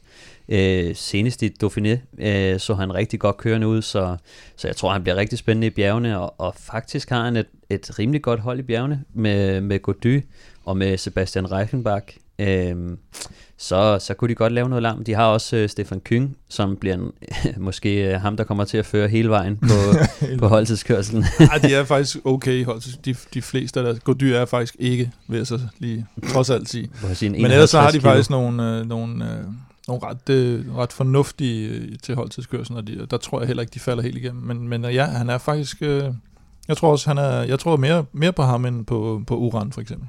Jeg tror faktisk også mere på ham end bare det. Jamen, jeg har, jeg har både fidus til Pinot og Bardet i år, øh, bare fordi jeg synes, de, de har set virkelig godt ud, og de har, de har gjort det før. Øh, og det er en, en, en svækket tur, kan man sige, Mm. øh, med, med et par topnavne ude, så, så det åbner helt klart op, og, og Pinot han kunne være et, et spændende navn til, til en top 3 i øvrigt også. Mm. Øh, giver også top øh, odds 6. Øh, bare lige. Oh, endnu Det en. går efter alt, der giver top Ja, men jeg ved, nu, nu kommer den bare, men, øh, Ja. men ej, jeg, jeg holder mig til Bardet, men, men han- også et spændende navn, ja. Men bare lige for at, at understrege, at det her Frances de mandskab de satser på Thibaut Pinot, så er det altså et mandskab, der stiller op uden øh, Arnaud Demar, så de går ikke efter sprintsejr, de går, som det ser ud her fra start af, efter at klare sig godt i holdtidskørselen, bringe Thibaut Pinot i en, i en situation, hvor han er klar, når der sådan, at øh, fældet det rammer bjergene, og så er det meningen, at han skal på podium og måske endda vinde øh, det her øh, Tour de France. Vi går direkte fra øh, et hold, der satser på en rytter, til et hold, der satser på to ryttere, nemlig Team Ineos, der meldte ud, da de kom med mandskabet, at Geraint Thomas og Egon Bernal bliver dobbeltkaptajner. Øh, hvordan skal vi lige tolke det, Kim? Fordi du har en Geraint Thomas, som... Du har Chris Froome er ude. Han styrter, han er færdig, han er færdig for hele året, måske ser vi ham aldrig igen. Geraint Thomas er den forsvarende mester, han er den gule trøje, han skal naturligvis køres for. Nej, siger Timinios. De siger, her, du får lige en co-kaptajn. Ja, men det, der skete i, i optagsløbene, var jo det, der, der gjorde, at de kan komme med den her udmelding. Og også, at de gør det, for ellers så, så skulle de jo sige Geraint Thomas. Øh, men han styrtede, og Bernal vandt, vandt Schweiz rundt. Han vandt. Han vandt Schweiz rundt. og derfor, så, øh, og derfor så, så kan de gøre det her. Og så kan man jo sige, skal de så gøre det? Men lad os sige, at de havde gjort noget andet, og stadigvæk sagt Thomas så vil presset på Thomas bare være endnu større. Der vil være det der sådan lidt, du ved, øh, som vi ser på Movistar, hvad så med den ene, og hvad så med den anden, og Bernal har jo også sagt, hvad sagde han så egentlig? Vil han køre for Thomas? Eller, ja, hvis han er bedre end mig, og så vil der være alt det der fnid og fnader. Nu er presset på Thomas jo faktisk taget lidt af. Bernal får lov, helt officielt, at køre sin egen chance. Så, og, og journalisterne kan ikke rigtig stille de der spørgsmål og sige, Nå, men er I nu sikker på det? Øh, sikker på hvad? Jamen, de er delt kaptajner. Så de afmonterede lige pludselig en hel masse øh, halløj. Og der tror jeg egentlig, at, at Thomas affinder sig bedre med sådan en situation, end for eksempel Froome havde gjort det, hvis det nu var ham, der, mm. der skulle køres for, så de var nødt til at sige det. Det var ikke kommet til at ske, tror jeg. At, men jeg synes stadig, at, at de, de, de, de kunne måske også have lagt en dæmper på det, øh, og så det naturlige vil være, at de siger, at vi støtter Joan Thomas. Og så kunne de have det overraskelsesmoment i Egan Bernal, fordi han var jo ude at sige, at jeg støtter fuldt op om uh, Geraint Thomas, så styrtede Thomas, og så, øh, og så vandt han selv, og så melder de anderledes ud bagefter. Jo, men der var også noget med, så var han jo allerede derude netop at sige det der med, jeg støtter fuldt op om Geraint Thomas, hvis han er stærkere end mig. så, og så har du allerede, der var du ja, allerede på vej til at have balladen, og nogen skrev netop det citat, og nogen skrev noget andet. Og jeg synes egentlig, det var ret smart, at de, de har afmonteret den med den her, fordi hvad, hvad skal vi nu? Hvordan skal vi hakke på dem nu? Det kan vi ikke gøre. Jeg synes faktisk, det var dumt. Altså, det, de kunne lige så godt have... Du er bare ærgerlig over, at du ikke kan sidde. Nej, men det synes bare, det er sådan... Fordi nu kan, nu kan du snakke om den fnider, der er mellem dem. Så nu kan du spille dem ud mod hinanden. Mm. Æh, hvis du nu havde, havde lagt en dæmper på... Ja, det der i løbet bliver det ja, selvfølgelig ja, noget andet. Men altså, op, helt op til løbet, der har de afmonteret. Det er jo bedre, det hvis de holdt det, deres plan hemmelig for, for medier og alle mulige andre, fordi så kan, du, så kan du kun mm. snakke om et eller andet, men så ved de godt, så kan de sidde i bussen og grine af journalisterne og sige, har de ved ikke, Men hvem ved, om det i virkeligheden er planen? Det altså måske, være, måske er det jo netop røgslør. Omvendt, omvendt at, at, at Geraint Thomas er den ubestridte ja. kaptajn, og så melder de ud, at Egan Bernal han også er kaptajn, og så skal de andre mandskaber pludselig have løje med ham ja. og så videre. Eller omvendt. Altså. Eller omvendt. ja, altså, jamen, og, vi glæder os. Så glæder vi kører. Der er ikke andet at sige til det. Øh, det her øh, team, Ineos tidligere Sky-mandskab, stiller op med øh, præcis det samme mandskab, som de stillede op med sidste år. Eneste udskiftning er, at Dylan van Barley har overtaget Chris Froomes plads. Til gengæld, Kim, så er det her et mandskab, som er top-tunet til den holdtidskørsel. Ja, det er helt vildt. Altså, det er... Ja, der er netop Van Barle, det er vel nærmest den eneste, man kan sige, man er lidt i tvivl om, om hvor god han er i en uh, holdtidskørsel. Ja, nu har han så tabt sig lidt, så måske er han i virkeligheden blevet lidt dårligere til den disciplin, end da han var den der brostens tonser, hvor uh, Luke Rowe for eksempel er jo, er jo en af de her man kan sige, som vel nærmest aldrig har kørt en god enkeltstart, men som i en holdtidskørsel er sindssygt vigtig, fordi han har en kæmpe motor jo, og, og kan ligge og, og, og sørge for, også lidt vejkaptajnsagtigt, at øh, der ikke er noget, der bliver revet i stykker. Øh, at, at der lige pludselig er en eller anden, der, der fiser helvedes til. Ikke? Bare lige, altså Dylan van Barle har faktisk kørt mange gode enkeltstarter. Jeg vil sige, de seneste ja. to, altså nu blev han træer i hold, de hollandske mesterskaber, ikke? Øhm, han blev 29 i Dauphiné, han blev 19 i Romandiet. Øh, ja, han er overhovedet ikke, så. men det, er bare, det bliver bare stadigvæk, hvis du ser på, på, på holdet mand for mand, så lige mm. før han er deres dårligste ja, ja, ja, det vil øh, holdtidskørselsrytter, altså, og det er jo vanvittigt, at ja. så god en rytter er den dårligste. Ja, de kommer nok til at, til at vinde. Hold, holdtidskørsel, vil jeg mærke. Holdet, øh, for lige at riste dem op, og nu er det, jeg tror, det er det eneste mandskab, hvor vi kommer til at nævne alle otte rytter, men jeg synes, de fortjener det. De to kaptajner, Grant Thomas og øh, Egan Bernal, skal hjælpes i bjergene af, af Wout Poels, af Michael Kwiatkowski, af Jonathan øh, Castroviejo, af Gianni Moscan. Øh, Luke Rowe er sådan vejkaptajn lidt over det hele, både øh, flat og, og vel sagtens også øh, noget af vejen opad, og ikke mindst i, øh, i holdtidskørslen. Og så altså Dylan van Barle som, øh, som sidste mand. Øh, øh, et, et crazy stærkt mandskab. Vi talte om, Kim, tidligere, at det hold, som Jumbo Visma de kom, altså ikke i dag, men i en tidligere podcast, der talte vi om, at det hold, som Jumbo Visma kom med, var det mest homogene hold, men de blev altså lige overgået af det her øh, Team Ineos øh, mandskab. Så umiddelbart favoritter i din optik, Kim, til at den gule trøje sidder på en Ineos rytter efter anden etape? Ja, det vil sige, fordi altså, de har jo øh, Thomas, Wout Poels, Moscon, Castroviejo er jo decideret, altså enkeltstarts rytter, ikke? Øh, Kwiatkowski. Så ja. Ja, men det vil jeg ikke, nu gjorde du. Hvis jeg nu siger dem to gange, så er, han, så god er han. men jeg vil så også lige sige, det er lidt øh, mærkeligt, som, øh, som bookmakerne har ændret mening undervejs, fordi at jeg kiggede på det lige forleden, og Geraint Thomas i top 3 giver odds 91 lige nu på, på, på oddset hos, uh, hos Danske Spil. Og 91, det synes jeg fandme er højt for, ja, for manden, der vandt sidste år, og som... Men det er altså, på grund af det styrt formentlig. Måske er det på grund af det styrt, men altså bare en top 3, for ja, ja. fanden. Kan vi få en top 3? Det tror jeg godt. 91. Fuglsang 1'er, var det 2'er. Thibaut Pinot 3'er. Bum. Ja. ja. Valverde 4. Jo, og i forhold til, hvor godt det er gået på oddset, så har jeg jo stadig jo, men hvis mit nu er skal... bet i ja, ja. spil. Og, hvis I kan huske den. Ja, ja, det var også i top 10. Ej, hold nu kæft. Var det ikke 91? Ja, Fuglsang i top 10. Jo, 91. Ja. ja. Og jeg tror, du sagde i 1999 ja. eller sådan noget. No. sådan. og så vil jeg lige sige, at øh, Frederik, Frederik Rodenberg, han her øh, meget tidligt sagde Egan Bernal til, også til et ret højt odds, ikke? Ja, det var lidt vanvittigt faktisk. Så, men øh, men det, det, det kunne meget vel gå hjem nu. Vi skal videre til en af de helt store øh, sprinterfavoritter, nemlig Team Jumbo-Visma og ikke mindst Dylan Groenewegen, som øh, lige nu vel sagtens må betegnes som den hurtigste sprinter, selvom der selvfølgelig er et par stykker, der håber på at gøre ham rangen stridig. Øh, et mandskab, Kim, som vi netop, netop sagde, meget homogent, kommer først og fremmest for at tage den gule trøje på lørdag, men vil også have en outsider i klassementet. Nok ikke til en, en podieplacering, men trods alt en top 5-10 placering i øh, Steven Krausweig. Jo, han blev femmer sidste år, ikke? Og, øh, og er alene kaptajn i år, og mm, har sagt, at han skulle ud og angribe. Han har et meget stærkt hold. De har et godt hold til holdtidskørselen. Han har en, øh, en Wout van Aert. Han kan, han kan smide hvor som helst øh, hen, åbenbart. og, øh, og så, men så skal de også lige huske øh, Gronevæggen og har et, et par mand, der skal, skal hjælpe ham i spurterne. Ikke? Så, så de satser meget bredt, og det kan næsten blive deres, øh, deres største ulempe, at de, de satser på, på mange forskellige heste. Ikke?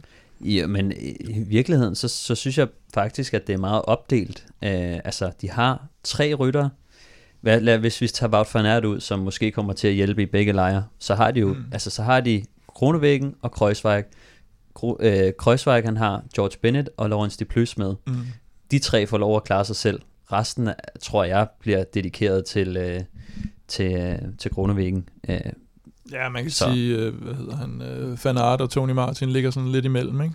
Sådan en, på en, jo, på, jo, jo, på, altså på jeg ved ikke om de, men, men det er jo heller ikke et hold, der kommer til at tage ansvar på noget tidspunkt. Altså jeg går ikke ud fra, at Kreuzweig kommer til at tage øh, føretrøjen øh, tidligt. Mm. Øh, så, så jeg tror, at, at det er fint nok, at Kreuzweig han har kun to hjælpere i bjergene, fordi at det er nok ikke dem, der kommer til at sidde med, med, altså, hvis de, med hvis den gule, eller jo, de kommer til at sidde med den gule trøje, ja, men altså, ikke ikke føre trøjen. Hvis de lykkes, hvis de, hvis de lykkes med, med, med deres forhævne, så, så er det et hold, vi kommer til at se virkelig meget.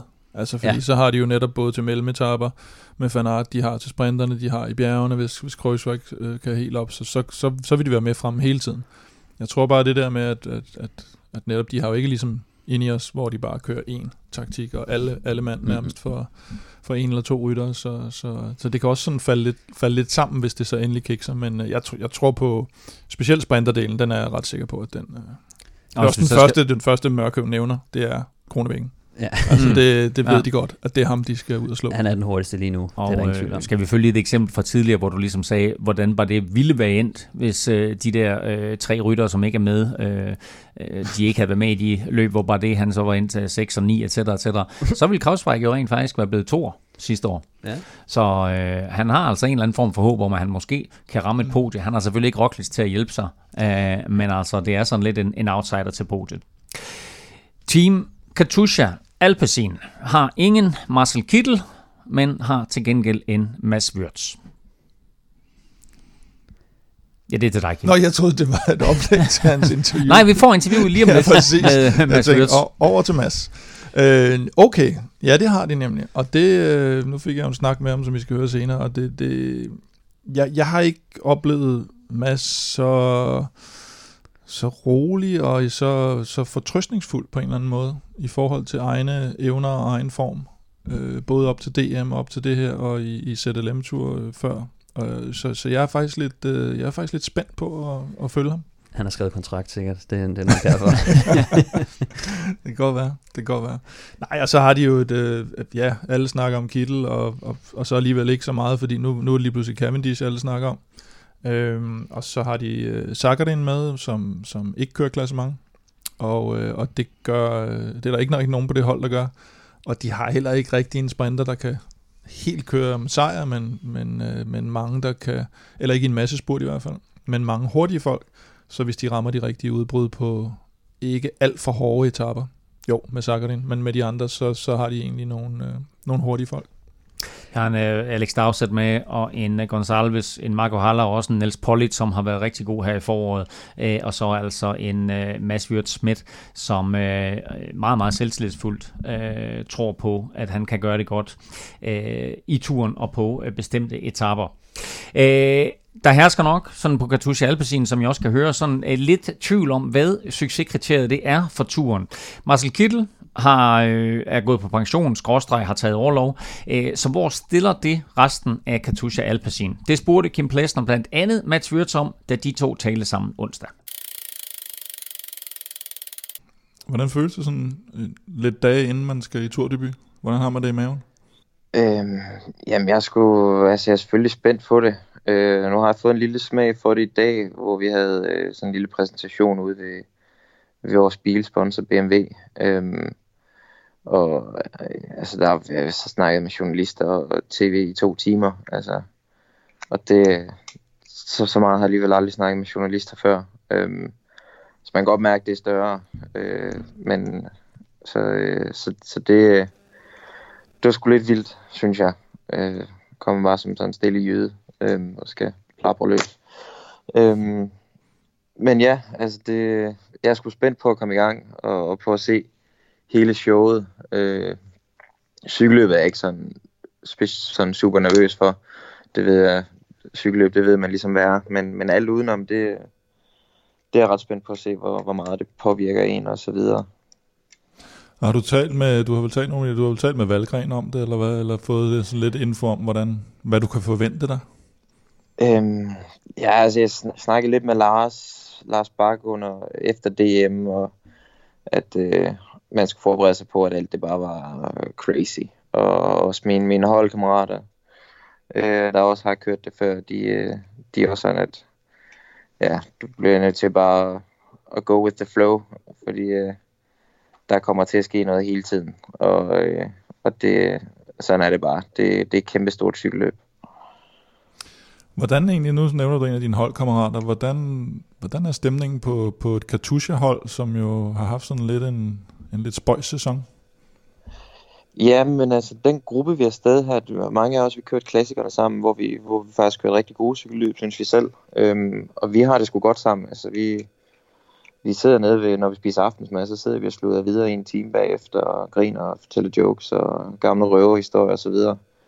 så altså det er blandt, blandt os, der er ikke, øh, ikke dårlig stemning overhovedet. Øhm, vi, øh, vi har sgu sjov sammen og, og, og hygger os, når vi, når vi er til cykelløb. Øhm, så, øh, så alle de der resultat, stress og så videre, det er ikke noget, som, som vi mærker så meget til. Øh, jeg tror også, jeg tror godt, vi kan komme til at overraske lidt her i turen, i og med, at vi, vi kan køre lidt mere frit, og vi ikke har noget klassement, vi ligesom skal køre efter og sådan noget. Nej, for Sakker den kører ikke rigtig klassement, og så havde en sprinter, I, I formentlig skulle have haft kørt for, som, som ikke længere er på holdet. Hvor meget ligesom med Cavendish fylder jo medierne nu her, at han ikke er med for Dimension. Øh, er, det, er det så længe siden med Kittel, at, at det ikke er så meget i fokus mere?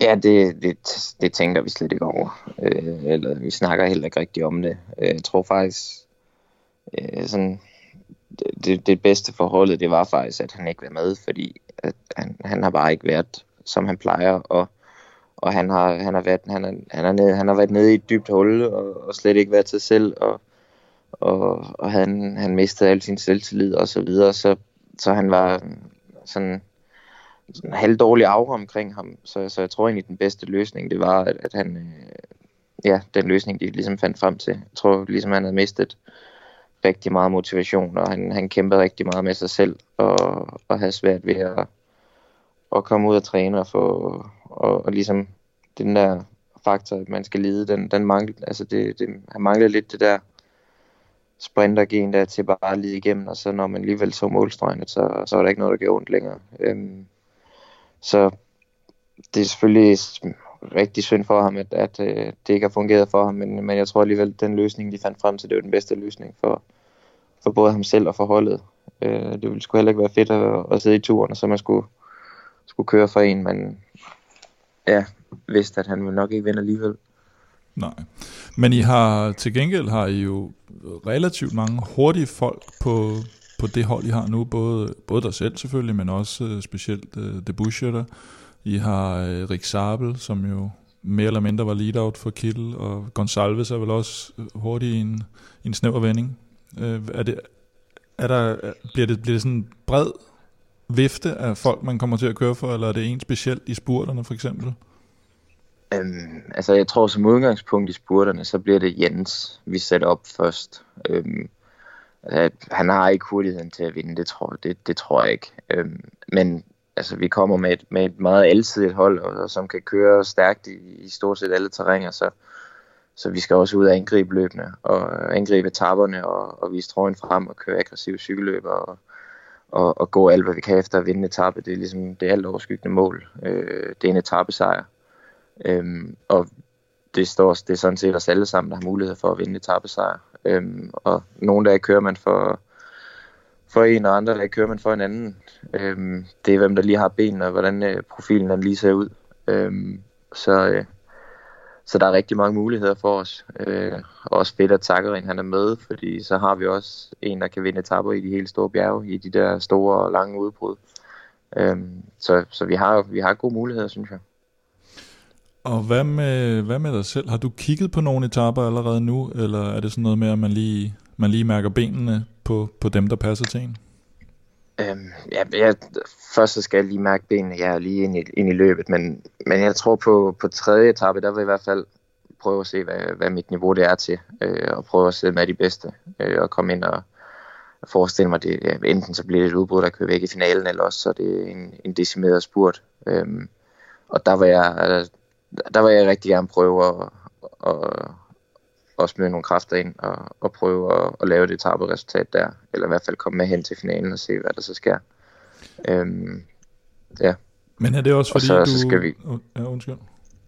Ja, så skal vi så længere hen i løbet, før, før der begynder at komme de her, sådan noget, klassement måske har sat sig lidt efter Planche Belfi, så, øh, så begynder der at kunne være større chance for udbrudene, og, og der, der er det sådan nogen som mig og Pollit og, og øh, Gonzalves, vi skal, vi skal til at være vågne og, og forsøge at køre med. Og det med allerede på tredje etape, det er selvfølgelig noget med profilen, som du siger, der er en, er det en 4-5 kategori 3 stigning eller sådan noget i finalen, og, og slutter også lidt opad, men, men det er vel også noget med, at du, du viser så god form i ZLM-tur, og du har god form med for DM. At, er, det, er, det, er det formen, der skal udnyttes også? Ja, det synes jeg. Altså, jeg synes, jeg har været i en, en opadgående, opadgående kurve i, i et stykke tid nu, og, og føler stadig, at der kan bygges mere på. Øhm, men, men ja, jeg skal helt klart til benene af og se, hvor, hvor jeg står i feltet der på, på tredje etape, forestiller mig. Øhm, og så og, ja, komme ind i løbet. Og, altså, nu kørte jeg jo Skiven sidste år, og jeg ved godt, det ikke er det samme, men, men der blev egentlig selvom man selvfølgelig er sindssygt træt, så benene de blev ved med at fungere, og jeg kørte faktisk nogle nye værtrekorder i tredje uge af Giroen sidste år. Øhm, så jeg ved, at jeg er holdbar i tre uger. Og, og det tror jeg, det, det giver mig også en vis ro i forhold til, til det løb her. Og at jeg kan gå ud og tage nogle større chancer i, i løbet og, og bruge nogle flere, flere kræfter osv. Så, så, så jeg tror sådan set, at, at jeg håber på, at jeg har, har noget at skyde med hele vejen gennem løbet, så, og at, at formen egentlig bare bliver bedre og bedre gennem løbet. Øhm, I takt med, at man selvfølgelig bliver træt, men og cykelrytter vi er nogle mærkelige, nogle mærkelige mennesker, der egentlig mm-hmm. får det bedre af at køre. Jo flere kilometer man kører, jo bedre bliver man. ja, man må sige, den, øh, den Giro sidste år var i hvert fald ikke den, øh, det var i hvert fald ikke den mindst hårde Giro i, i verdenshistorien. Så, så må ikke også, du kan holde til tre uger her. Hvad hedder det til sidst her, hvis, hvis øh, når du har været igennem de tre uger og, og, og skal se tilbage på det med succes, hvad skal der så være sket? Øhm, så vil jeg gerne have været med til at køre en, en etappesejr. Altså, jeg vil gerne køre en etape, hvor jeg ligesom rammer det rigtige udbrud, eller det rigtige moment, og, og jeg ligesom sidder i en finale og kører om en etappesejr. Øhm, det er svært at sige, at, at, at, at øhm, man skal have vundet en etape eller sådan noget, fordi øh, så længe jeg kommer til Paris, så er jeg også rigtig glad. Men, men jeg har også nogle ambitioner, og jeg, jeg er rigtig positiv, øh, i og med at jeg endelig har ramt mit niveau og, og en god form. Så, øh, så hvis jeg er på, øh, på i hvert fald en etape kommer til at sidde i finalen og køre med om sejren, så, øh, så vil min tur være, være succesfuld. Øh, og når man sidder i den finale, så kan alt jo ligesom ske. Du sagde, inden vi hørte interviewet, Kim, at, at Mads han virkede rolig og afdæmpet og afklaret. Altså jeg synes næsten, man kan mærke det, man kan høre det på hans stemme, at det sådan, at han er, han er egentlig altså meget, meget klar på den her tur og tror på egne chancer. Ja, det, øh, ja, det var som vi sagde før, at det, det, det er faktisk lidt en fornøjelse at, at tale med ham og, og, og virke afklaret, og også det han siger med, at han jo, han jo tidligere har kørt i en, en Giro, hvor han, han følte, han blev bedre og bedre, øh, som, som, som, øh, som dagene gik. Og det kunne jeg forestille mig. Jeg har ikke helt lige været på det niveau, hvor jeg skulle udtages til en Grand Tour, men næsten. øh, men jeg kunne forestille mig, hvis man sidder som, som turdebutant, at noget af det, man tænker mest over, det må være det der, fuck mand, hvordan har jeg det i tredje uge? Altså, hvad, hvad sker mm. der der med mig? Hvad, hvad, det der med at gå ud over alle grænser. Som, som motionist, der er det jo det der med, hvis du kommer ud over først 100 km eller 200 km, så ved du godt, så sker der et eller andet specielt med din krop. Og sådan du har aldrig nogensinde været ud over 200 km. Ah, det synes jeg er en, en stramning, det der. men nej. Øh, men, men jeg synes også, det er spændende at høre, at Mads Wirtz, han øh, tør sige, tredje etape ligger til mig. Den, den kunne jeg godt finde på at gå efter. Hvad skal der til, for at han kan vinde den? Ja, jeg, jeg vil jo nok sige, at han skal, han skal nok ramme et udbrud, ikke? Og, og, og, og satse på, at selvfølgelig er der også nogen, der vil prøve at holde det samlet. Øh, nogle, øh, hvad er det, noget, noget sunwhip og noget, noget, øh, noget borer.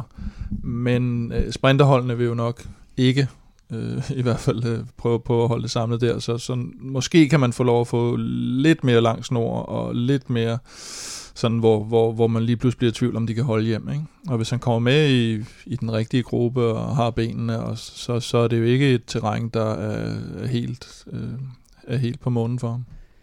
Nej, men jeg synes også, altså bare lige i forhold til, han kommer lige fra, fra, fra et godt resultat i, øh, i ZLM-tur, øh, så han ved, at benene fungerer. Øhm, og han er også, jeg tror han blev 10'er på en etape i Dauphiné Libre. Nej, øh, kriterium til Dauphiné, som det hedder. øhm, som også var sådan rimelig besværlig. Jeg tror, det var Wout van Aert, der vandt den. Øh, og, og jeg tror bare, han har vist, også over for sig selv, at han faktisk godt kan være med. Øh, og øh, han, kommer, han kommer ind øh, uden det store forventningspres, øh, og med en fri rolle. Øh, så, så det må være rart for ham at, at, at bare kunne fokusere på sig selv og, og prøve, forsøge at gå efter de her udbrud. Selvfølgelig kan han komme med i et udbrud.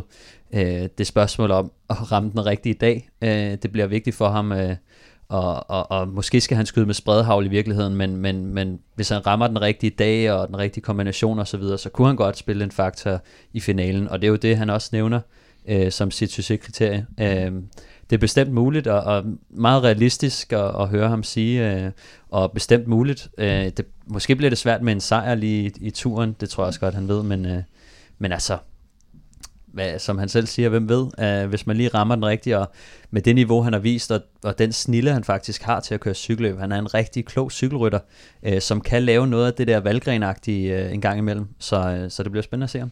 Og der er rigtig, rigtig mange, som gerne vil lave noget stort her på tredje etape, og den kommer vi også til at tale om øh, lidt senere. Vi skal videre med gennemgangen af holdene, og nu kommer vi til et øh, meget spændende mandskab med den kommende vinder. Det er nemlig Movistar og Ale, Alejandro. Alejandro. Jeg tror, vi skal have Lotto Sudal først. Jamen, så vi tager vi Lotto- i, i alfabetisk Ja, ja. rækkefølge. Så tager vi Lotto Sudal først. Hvad Okay. er deres succeskriterier for turen i år? Puha. Etapper, Ja, må man det sige. tror jeg. Det, det er der ikke nogen tvivl om. Der bliver ikke... Øh, Altså Caleb Ewan, han er jo deres, øh, måske den, de sætter deres lid til. Øh, han, øh, han skal prøve at vinde nogle etapper, øh, og, og så vidt jeg kan se på det, så det er ikke det, det, det bedste sprinterfelt, der er med i år, altså ja. hvis du kan følge mig. Ja. Der er kun en, en 4-5 øh, gode, han sådan rigtig gode sprinter han med. er træer eller sådan noget i hierarkiet, vil jeg sige. Ja, netop. Øh, så, Kronevæggen, Viviani og så Caleb Ewan. Er det den rækkefølge, vi har dem i? Mm. Ja, det tror jeg. Og, og så, øh, så synes jeg faktisk, at, at de har et rimelig godt øh, tog for ham. Øh, de har Jasper de Boist, øh, og de har øh, Roger Kluge. Øh, og så har de Jens Køkkelade, som nok også kommer til at hjælpe lidt. Øh, men, men ja, jeg tror, at han får, han får solid støtte, og, og det bliver spændende. Der er også nogle af de der øh, sprinteretapper, som er som ikke er så nemme egentlig. Øh, der kommer nogle, øh, nogle stigninger undervejs, og nogle øh, finaler, der stiger lidt og så videre. Øh, det er noget, som der, der, der spiller til hans fordel. Og så, jeg sige, så har de altså også øh, udbryderkongen over dem alle med. Øh, Thomas de Rent. Øh, så har de en øh, Thies Beno med, og de har en Tim Wellens med. Mm. Kunne sidst nævnte Kim, Tim Wellens, kunne han sådan på en eller anden måde øh, kigge lidt efter den prikkede, og så sige, det der, det kunne faktisk godt være noget, jeg gik efter. Der er han sgu lidt for, der er han lidt for, for, for sløv i, i optrækket i spurterne, i bjergspurterne, tror jeg. Øh, der Det er han problemer. ikke. Altså, er der tosset, mand? Det er, Nå, men i forhold til Alaphilippe, Nå, men der- han, der- han der- kan ikke køre lige så godt opad som Alaphilippe, men øh, hvis han kommer ind for 500 meter mærket til toppen, så skal han nok slå Alaphilippe, det tror jeg. det mener du alligevel. Men det, det er jeg ikke har- sikkert, vi får det at se, Han men det kan vi har jo se det så. vildeste optræk. Ja. Ja. Altså, det er for sindssygt. Han er god i regnvejr også, ja, det så er, han kan håbe på, på regner vejr. hele så, øh, så, turen, ja, så vinder han. Så gør,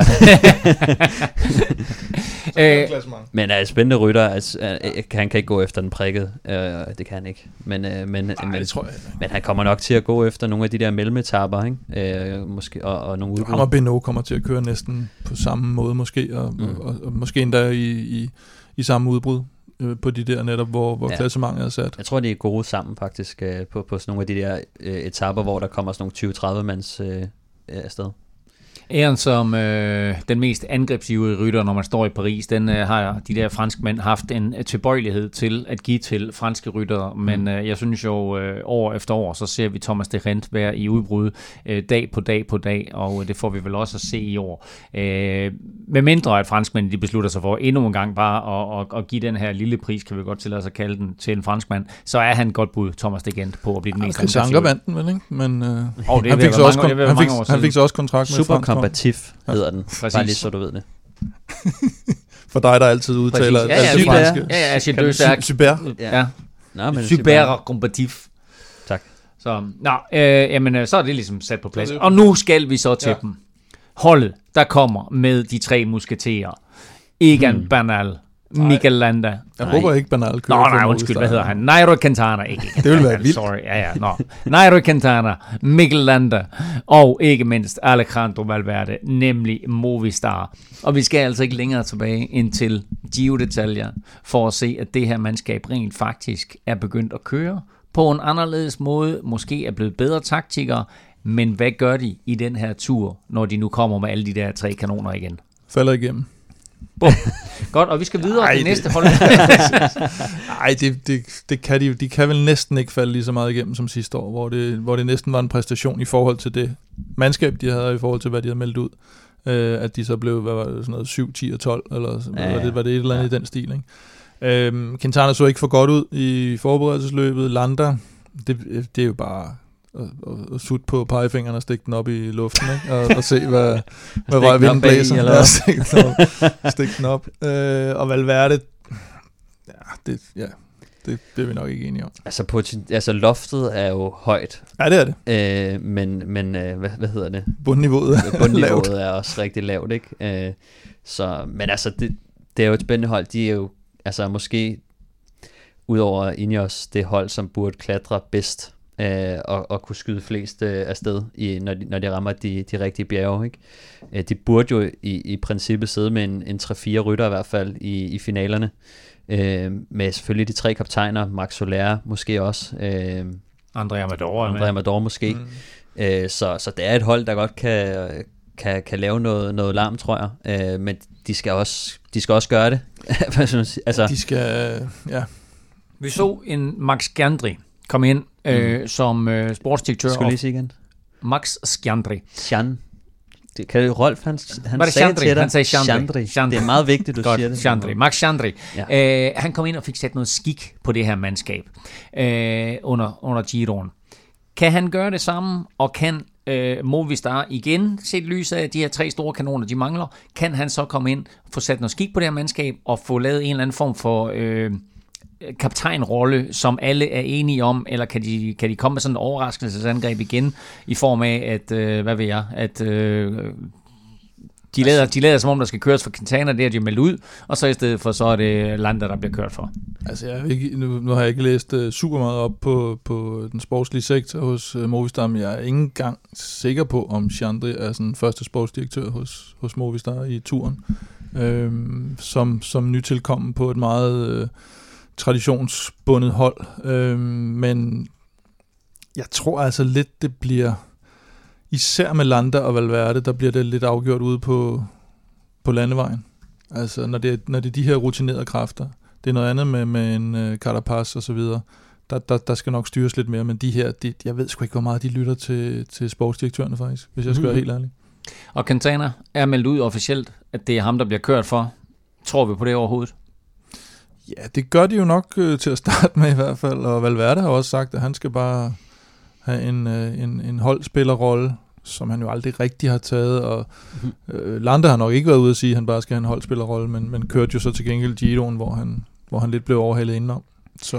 Men jeg, altså, jeg tror bare, i forhold til, hvordan de skal spille ud, så, så, så må de have lært, at, at, øh, at de skal gøre det på en anden måde, end at køre tog for, for Quintana. Ikke? Mm. Vi så, hvordan øh, de havde succes med, med den måde, de kørte det på i, i Giroen, og det ville være tosset, hvis de ikke prøvede at lave lidt af det samme. Øh, om, om det er Chandri, der sidder ved, ved roret, eller om det er en af de andre. Øh, du, han, er, han er jo nok dernede og, og hjælper til. Øh, men altså, så, så jeg tror, at, at de kommer til at, at, at køre det lidt anderledes og angribe noget mere. Det ville øh, være super fedt, hvis de, hvis de kørte offensivt. Det tror jeg, de fleste Ja, men det, nok og håber, det gav jo pote i, Ja. i Giroen, så, så hvorfor ikke øh, prøve noget nyt? Øh, Quintana har ikke kørt stærkt nok til, at han bare enerådigt skal, skal køres for, øh, synes jeg i hvert fald. Så, øh, så, så jeg håber, at de, der bliver åbnet lidt mere op, og, og jeg tror også, det ligger lidt i kortene hos dem. Og så handler det jo, det tror jeg også, vi var inde på øh, i Giroen, at, at når, når alt kommer til alt, så handler det om, hvad, hvad du har i benene. Altså det er nemmere at køre offensivt, når du, når du har gode ben. Ja, altså Lander, han skal nok, han skal sikkert nok være den første til at, øh, til at åbne ballet. og ikke? Quintana Så- kørte også øh, rimelig angrebsivt i, øh, var det Dauphiné eller Schweiz, selvom han ikke havde benene. Men jeg har glædet mig til, Stefan, at du skulle komme tilbage, fordi Kim øh, jo øh, unægteligt øh, nærmest svinede mig til for øh, åben mikrofon i sidste uge, da du ikke var her, øh, da jeg sagde, at Valverde slikker sig om munden og ser den her Tour de France som hans mulighed for at vinde den. Så nu håber jeg på, at du holder med mig, at den her Tour de France, den kan Valverde vinde. Ej, der vil jeg sige, som Kim han siger, der kan du tage en finger, øh, slik på fingeren og stikke den op. I vinden. Stik den op. Øh, nej, øh, jeg tror ikke, han vinder noget. Det, det må jeg indrømme. Øh, men altså, for fanden, altså han er verdensmester, ikke? Og han er spansk mester. Øh, så altså, jeg tror, han kommer til at, at, at sidde fint med, men jeg tror ikke, han kommer til at være den, der, der sætter dagsordenen i bjergene. Det kan være, han tager Øh, tredje etape. Ja, men du ved, det er sådan noget, hvor altså, han er bare, jeg tror bare, han er blevet for gammel. Øh, han har den der, han har stadig vindermentaliteten, men når vi kommer op i de høje bjerge og, og flere dage i streg, så viser det sig bare, at det, det bliver sværere med alderen øh, at, at være lige så, øh, altså at ramme det topniveau i bjergene. Øh, så, så jeg tror, han kommer til at, han skal nok ende i top 10 sikkert i, i samlet, men, øh, men altså, måske. Øh, jeg glæder mig i hvert fald til at se det. Jeg håber, at det er sådan, at øh, I kommer til at æde jeres ord igen på samme måde, som I sidder og æder øh, belgiske vafler i øjeblikket. Jeg kan se Kim selv væk dernede. øhm, vi skal videre til Mitchelton Scott, som øh, kommer med et øh, spændende mandskab, og har begge Yates-brødrene med, Simon og Adam, og der bliver kørt for sidstnævnte.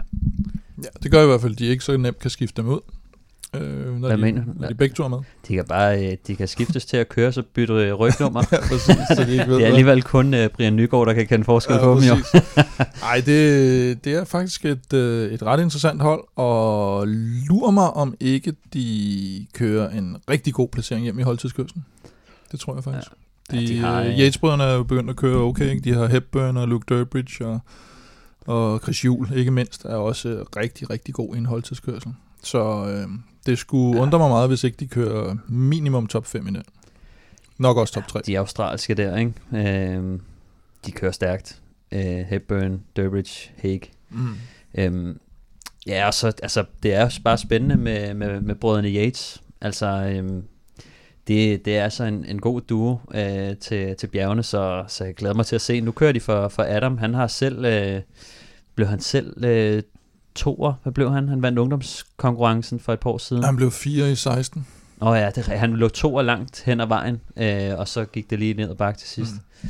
Øhm, men øh, ja, det bliver spændende at se. Øh, det bliver spændende at se. Der er ikke mere at sige. Nå, Nej, så kommer de med, så har de Matteo Trentin med, og de har også en indehaver tidligere af den gule trøje, nemlig Daryl Impey med. Så øh, det er altså et, et, et ganske, ganske stærkt hold, som selvfølgelig også er blandt favoritterne på øh, søndagens øh, holdtidskørsel.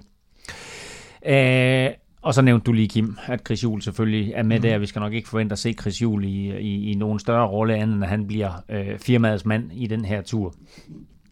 Sunweb har også en dansker med, og det er Søren Krav, og vi må sige, at Søren Kravs rolle har ændret sig markant efter, at øh, det stod klart, at Tom Dumoulin ikke kommer med til årets Tour de France. Hvad bliver det her for et øh, mandskab? Er det udelukkende den grønne trøje til Michael Matthews, de kommer til at køre efter, eller hvad, hvad bliver deres succeskriterie? Nej, jeg tror ikke engang, de kører specifikt efter den. Jeg tror sådan set, at de kører efter etappesejr. Altså hele vejen. Jeg tror også, Keltermann var ude og melde ud, at han kører faktisk også efter etappesejr. Øh, og hvis han så kan placere sig i, i top 10, så er det fint, men han har jo været skadet og, og været skadet længe, og været skadet meget, og så kom han tilbage her og styrtede, og, og det, det er lige før, man sådan næsten ikke kan forestille sig, at han, han ikke kommer galt afsted igen. Øh, og det, det, det er en helt vild karriere, han har haft med, med hensyn til styrt. Ikke? Ja. Det, han får næsten ikke, det er sådan, man siger, give me a break. Ikke? Jo. Men, øh, men det, det, sådan, sådan er han åbenbart. Øh, og så, ja, så er det, så det er etapper. Og det er jo godt for Søren, fordi havde det været med, med, med Tom Dumoulin, så havde vi set ham i, i den der, som vi kender, eller som vi så sidste år, låste rolle, fuldstændig låste rolle. Ja, så synes jeg, øh, Søren har jo, han har jo fået den her frie rolle, ikke? Og, og han kørte jo godt i, øh, i Schweiz rundt. Øh, altså blev træer på enkeltstarten. Øh, altså, så, Så, 3 og 4, ikke? Eller Ja, ja, var det var 3 to- og 5? fem- Jo, han blev femmer. fire på den første, og treer på den sidste, ikke? Mm. Øh, det er tegn på, at formen den er der. Ja, det er den nemlig. og øh, altså, det, vi kan sige, vi var lidt skuffet over ham i, i, i foråret, ikke? Øh, han blev 11 i Gent men det var sådan set det. Øh, Mm. men, øh, men her i Schweiz, så viste han virkelig, at han var, han var tilbage, og, og, og det, han, han kommer også til at være en af de spændende til, til de der øh, udbrudsetapper, fordi ja, han, han kan virkelig også godt tage en etappe. Han kunne vinde sådan en som kort vand sidste år, for eksempel. Lige præcis. Og det er selvfølgelig super, super ærgerligt for Sunweb, og, og til dels også for Søren Krav, at, at øh, Tom Dumoulin er ude, men det giver altså bare nogle øh, muligheder for, øh, for den her danske supermand.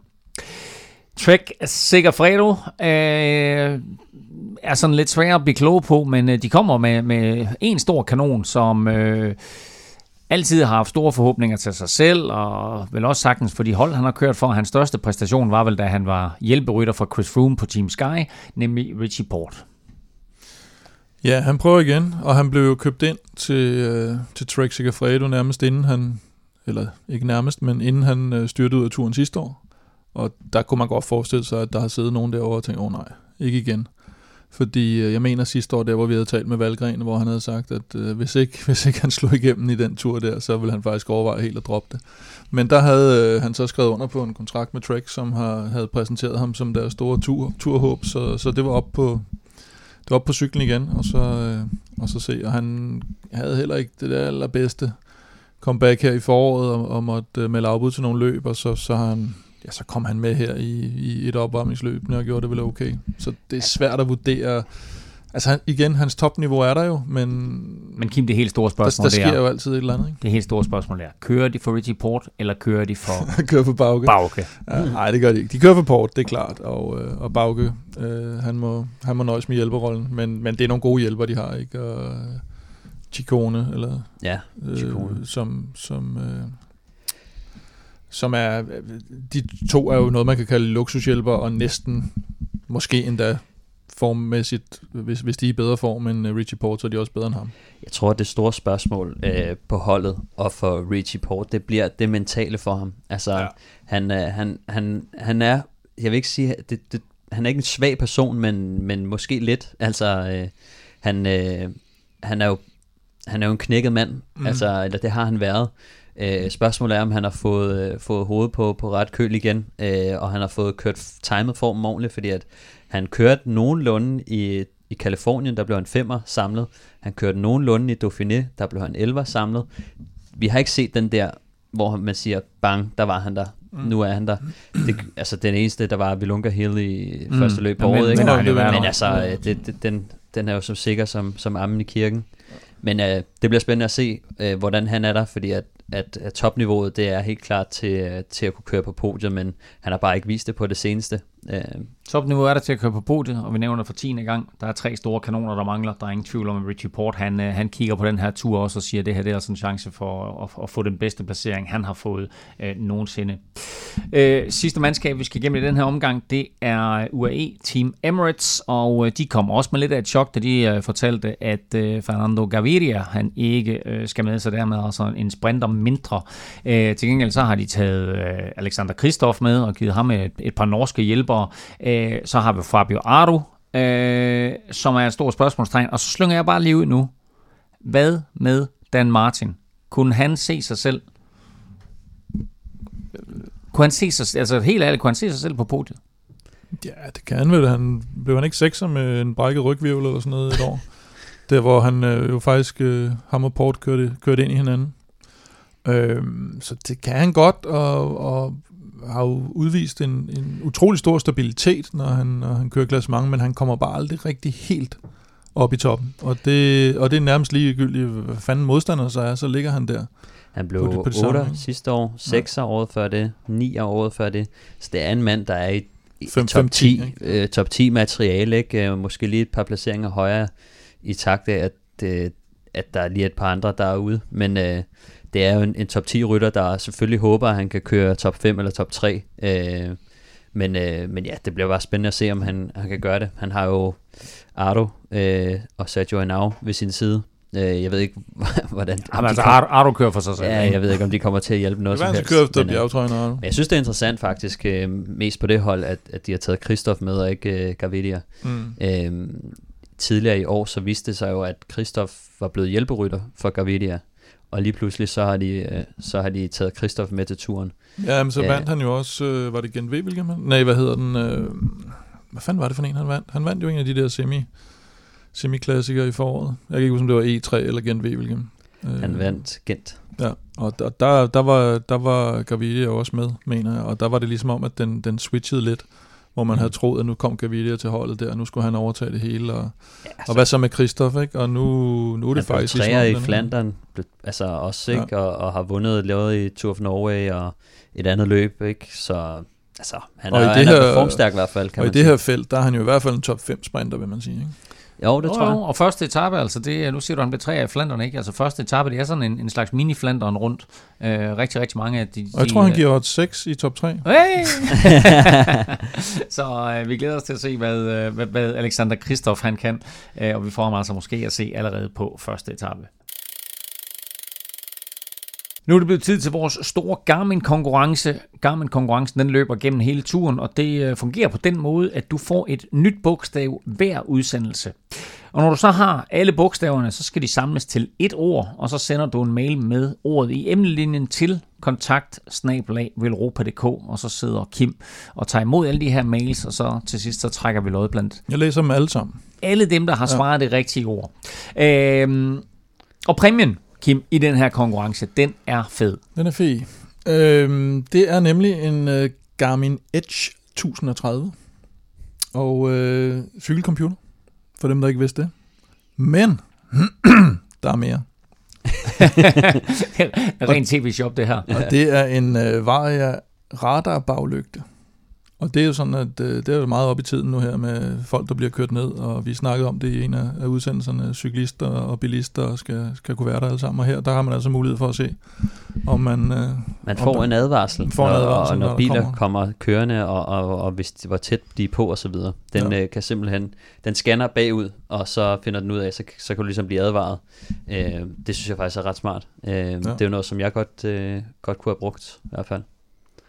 Og øh, samlet pris, som øh, du nævnte i starten, over fem- 7.500. Så Bum. det, det er jo alligevel lige niveauet over en øh, kasket. Men kasketten er fed. Men altså, øh, super, super fed præmie øh, fra Garmin her. Hvor mange bogstaver du i alt skal samle, det lader vi indtil videre sådan stå hen i det uvisse, men jeg kan sige så meget, at det ikke er over 10. Og dermed så skal vi have det første bogstav på, øh, på tavlen. Stefan, du får lov til at komme med det første bogstav. Det første bogstav, det er R. Det, det er R. Det er, det er, er. Det er, R som i rival. Ah, er som i Rival Readiness. Mm. Så altså, øh, første bogstav er, øh, du får næste bogstav i næste uge i vores næste podcast. Øh, og når du så har et bud på ordet, så sender du det altså ind til kontakt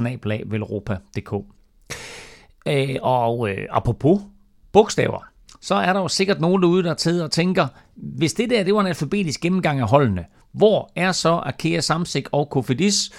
Men som den opmærksomme lytter måske har lagt mærke til, øh, så har vi gennemgået de 18 World Tour hold og mangler altså de fire pro conti mandskaber øh, de såkaldte wildcards, og vi lægger ud med Kofidis, der valgte ikke at tage Jesper Hansen med, og det må vel være en kæmpe skuffelse både for ham og for holdet, Stefan.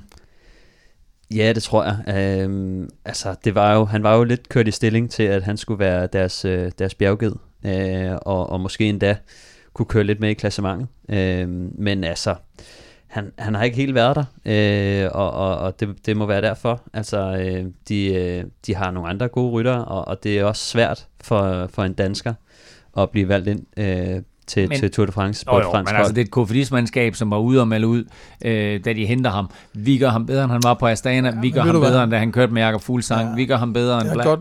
Ja, men, og, og det er det, han har brugt som referencepunkt hele tiden. Og det, jeg kommer til at sidde og tænke lidt på, og som jeg nok heller ikke kan sige mig fri for at tænke lidt dengang, det var, at øh, var det en TV2-journalist, der bliver sendt ned til et pressemøde, og holdet er nyt, mm. og der er kommet en dansker til, så er man virkelig venlig over for de danske journalister selvfølgelig. Og det kan godt være, der blev smurt lidt tykt på, for det blev jo også sådan lidt, ikke gjort grin med, men det var sådan lidt, ja, ja, han skal være bedre end Fuglsang, ikke? Det vidste man jo godt. Det, det er måske ikke super hensigtsmæssigt heller over for Jesper Hansen at prøve at køre den i stilling. Øh, så, så, så det med at bruge den som, som referencepunkt, og ikke så meget, hvordan Jesper Hansen har kørt i foråret, det, det er måske lidt misvisende for, for, for trods alt så stort et mandskab for, som, øh, som Kofidis. Han blev bedre, øh, viste nogle takter både til DM og i, i tur forberedelsesløb, men det var åbenbart ikke nok. Øh, Jeg synes, det, det, det, er en, det er en kæmpe skuffelse for ham. ikke. Øh, Han kørte fint med over i Tour of Californien også, øh, og, og, og viste, øh, altså kørte rimelig med i Dauphiné, og, og, og viste også lidt tænder til, til de danske mesterskaber. mm.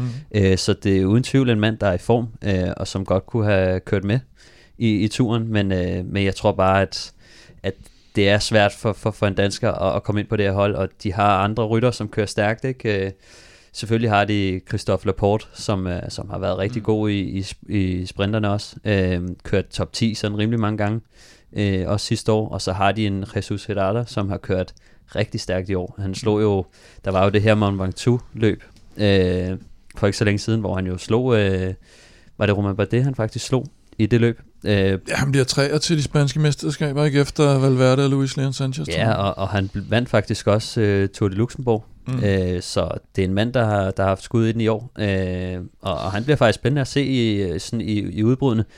Øh, normalt så har jeg ikke så meget fidus til, til alle de der spanske ryttere, som hedder det samme. Øh, men øh, men ham her, han er faktisk, øh, ham vil jeg faktisk holde lidt øje med. Når du disser der, eller? Nej, det er bare, du ved, de der Jesus og Jimenez og Herrada og jeg ved ikke hvad de, Lopez. Det hedder de jo øh, bare. Han, han hedder- faktisk Jesus Herrada. Så, Jamen, det er det. Nå, så... Men det her kofidismandskab, de har altså valgt ikke at tage Jesper Hansen med. De har taget seks franskmænd, øh, og derudover, altså udover de to øh, udlændinge, så har de altså seks franskmænd med, hvor du lige nævnte øh, Christophe Laporte, og så må vi også lige nævne øh, Pierre-Luc Perichon, og øh, måske et stils Nicolas øh, de, de, er jo heller ikke øh, Atapuma med, så vidt jeg forstår.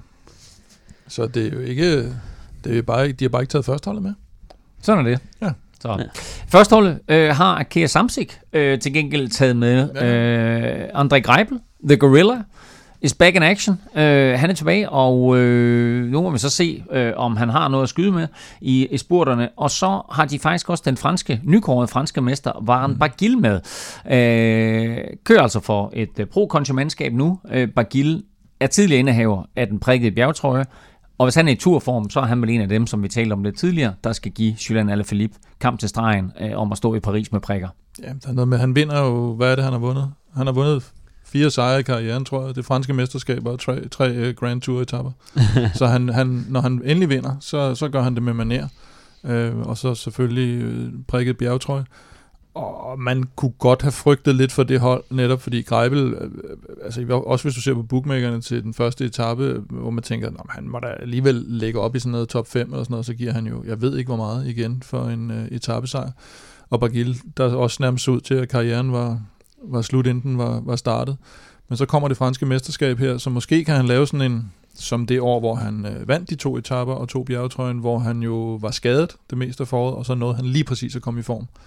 Og måske har han ramt den igen i år. Og så, bliver han, så bliver han spændende. Han er, han er ene udlænding på det her Arkea Samsig-mandskab. Syv franskmænd, og så altså tyske André Greibel.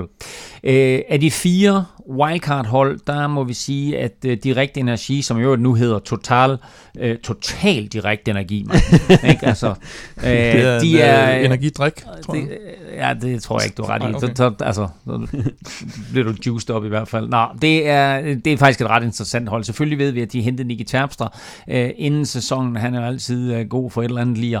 Øh, og en spytklat. Øh, så har de Kalmajan øh, med, øh, Lilian øh, og øh, et par andre øh, ret spændende navne. Det her, Kim, det er et, et, det er pro-kontimandskab, som vel sagtens kommer til, i hvert fald i teorien, på papiret og klare sig bedst. Ja, det er i hvert fald dem, der har de, øh, hvad skal man sige, de stærkeste ryttere måske. Altså det, det er dem, der har flest ryttere, som det næsten vil være sådan lidt synd at sende i de her tv-udbrud, øh, hvilket, hvilket man har lidt en, en overrepræsentation af på, på, på nogle af de andre. Så øh, egentlig nogen, der kan klare sig i, i alle de her terrænger. Nu har vi snakket meget om den her tredje etape. Terpstra er selvfølgelig også en, en, en mulighed der. Og, øh, og Karl Michan er, er virkelig stærk. Han, han, han går ikke rigtig efter klassement, øh, stadigvæk mener jeg, og går, går efter etaper. Og så har de jo Tata med, den, øh, den, den gode gamle, øh, stærk svingende, øh, fra, fra, øh, fra de bal- baltiske områder derovre. Og så har de øh, Bonifacio. Ja, Estland, ikke? Jeg tror, han er fra Estland. Jo. Og øh, Bonifacio, som øh, tidligere mest var kendt for at være sprinter, og nu mest er kendt for at, at, at med en eller anden videofilm ned af, var det Poggio, fra, i Milano Sanremo, hvor han kørte... var... Øh, var det oh, ja. ja. ja. Hvor han kørte fuldstændig vanvittigt og sådan noget. Don't, ja. don't try this at home. Øh, så et, et, et rigtig stærkt hold, der kan gøre sig i, i stort set alle terrænger glæder os til at, øh, at se dem, og ikke mindst til at se både Kalmachan og Nicky Terpstra. Altså. Det sidste mandskab, det er Avanti Group Gobert, som øh, sådan har fået fedtet sig lidt ind hos, hos ASO, øh, og dermed så forbigik de altså Vital Concept, øh, som ellers har Brian Kokar og Pierre Roland på holdet, så øh, det må sige, det var sådan måske en lille smule overraskende, at øh, Avanti Group Gobert, øh, de fik den sidste plads her. Hvad har vi ellers at, at, at tilføje om dem, Kim? Guillaume Martin øh, er jo det her nye franske talent, som så aldrig rigtig har fået det helt store gennembrud.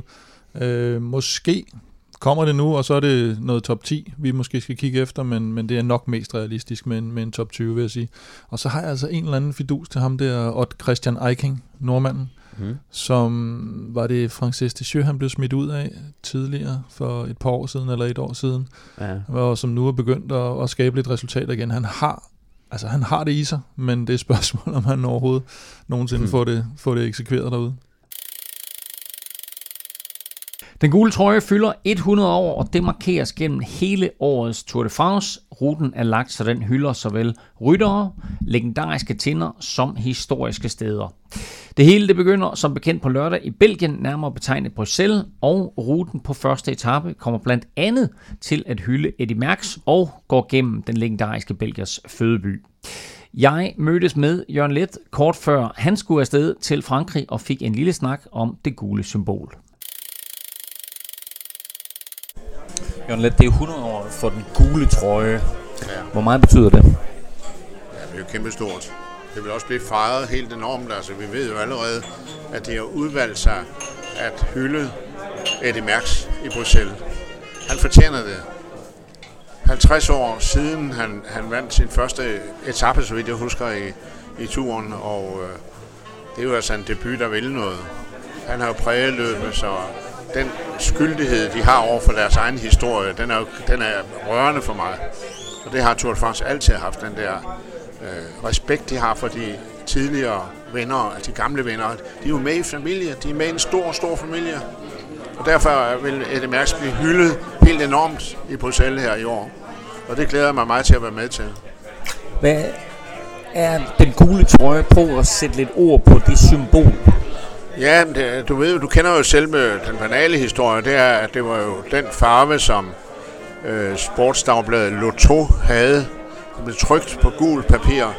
Så derfor var det et naturligt valg for daværende øh, Henri de Grans, der var direktør for, at, at det, skulle, det skulle være løbets farve. Det skulle være den gule farve. Øh, så det, det blev det. Det er det, der var afgørende. Og så er det jo siden blevet sådan mere symbolsk. Der har man glemt fortiden og bare tænkt, gul, det er sejr. Øh, gul, det bare, det er vinderen. Sådan er det. det er jo skønt. Og den gule trøje i år, når vi rammer Paris, Ja. hvem sidder den på så? Ja, det er jeg jo spændt på. ja, jeg ved sgu ikke, jeg synes, det er ret åbent i øjeblikket.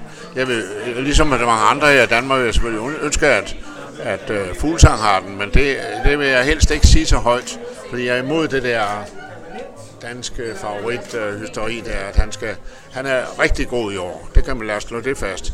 Men jeg tror, en mere realistisk uh, uh, favorit, det er Egon Bernal, kolumbianeren, som kører for Sky, eller for, for nu for Ineos. Han er, han er god, og han er bedre, tror jeg, end Jan Thomas til at forsvare Skys øh, aktier i det løb. Det tror jeg. Han er en af mine favoritter.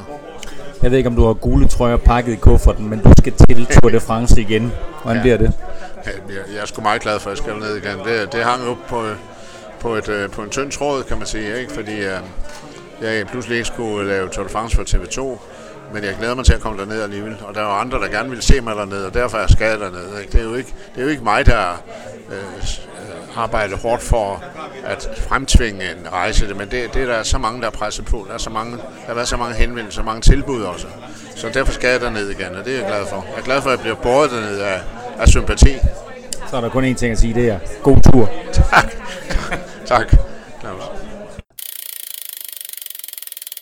Hvem der har den gule trøje efter lørdagens etape, det ved vi endnu ikke, men øh, feltets sprinter, de slikker sig helt sikkert om munden, fordi øh, det er en etape på 194 km. Det er sådan en slags mini-flanderen rundt med øh, blandt andet muren i Gertsbergen og sådan mange små bump og brosten undervejs. Den er betegnet som en sprinteretappe, men vi kunne vel egentlig godt risikere, Kim, at se en udskilling undervejs. Ja, det ligger lidt, øh, det ligger lidt for tidligt på etappen, de, øh, de udfordringer, der er. Så, så jeg tror, både fordi det er den første etape, og, og fordi det, det, øh, altså, det, det, det, bliver, det bliver relativt nemt at holde samlet for, for, for de friske sprinterhold. Så det vil undre mig rigtig meget. Der, der skal ske noget med vejret, der skal ske noget med noget uheld undervejs, hvis ikke, hvis ikke de holder det samlet, tror jeg. Tour de France er et, et, et fransk cykelløb naturligvis, men det her, øh, den her etape øh, hylder jo nærmest øh, cykling i Belgien, de belgiske forårsklassikere og ikke mindst Eddie Merckx. Ja, det, og, og, og det synes jeg også, at altså, det, er nogle, det er faktisk nogle spændende dage, synes jeg, de, de tre dage her, der kommer, øh, i forhold til, hvad vi, hvad vi nogle gange har været vant til. Altså, så har du en etape her til at starte med, som selvfølgelig nok ligner en sprinteretape, men der er så lige den der muren i Gerardsbergen, eller Gramont, eller hvad de kalder den for i Frankrig. Bosberg Og, øh, også. Men det, det ligger bare tidligt, ikke? Ja, de ligger jo lige Bosberg, kører du op til højre efter, når du er kommet ned fra, fra Gersbergen. Men, øh, og, og jeg ved, at øh, danske spil har også fået lavet lidt øh, specialspil til os med, hvem der kommer først over øh, muren i Gersbergen, for det er også ham, der får bjergtrøjen.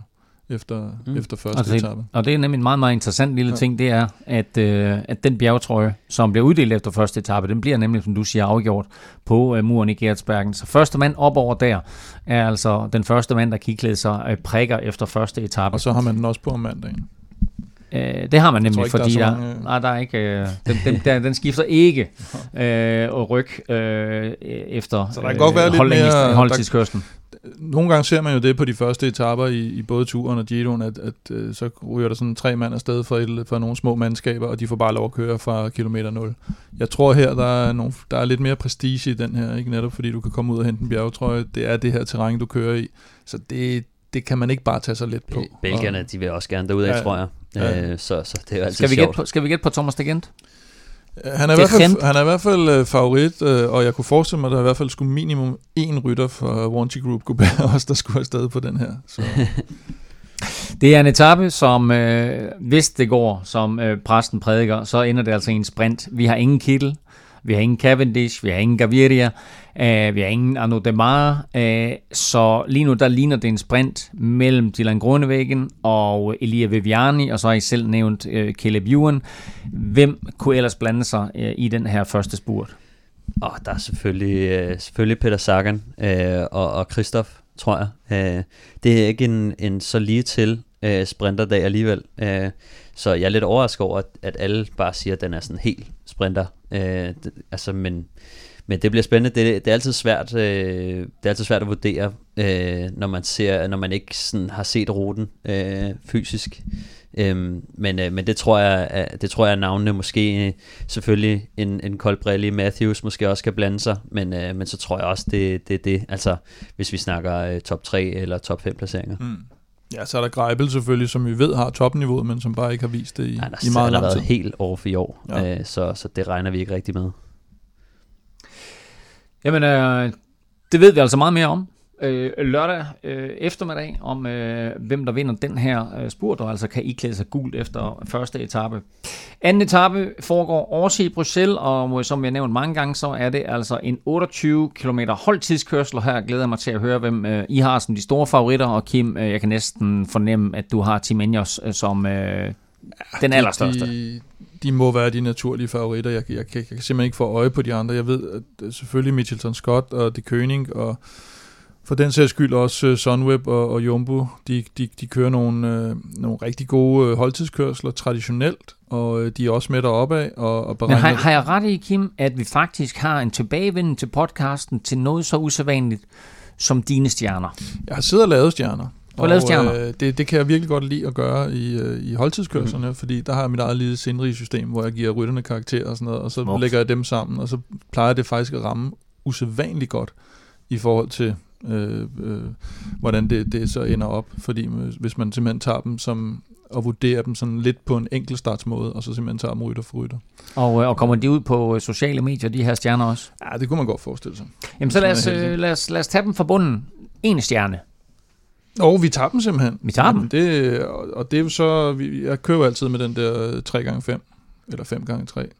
Så det er 15 hold, der kommer med her. Og i, i bunden, der ligger Bor Hans Kroge, Trek Fredo og EF Education. Men der skal man jo så vide, at der er jo ikke kun 15 hold med, så de er jo ikke helt tosset, bare for at ah, få jeg vil så sige, altså, øh, Stefan begyndte at tale om, at EF Education havde gode chancer for at klare sig godt i, i holdtidskørslen her. Du har dem altså nede på en stjerne. Det vil sige fem, øh, placering som nummer 15, siger du. Ah, placeringen som nummer 13 til 13 til 15.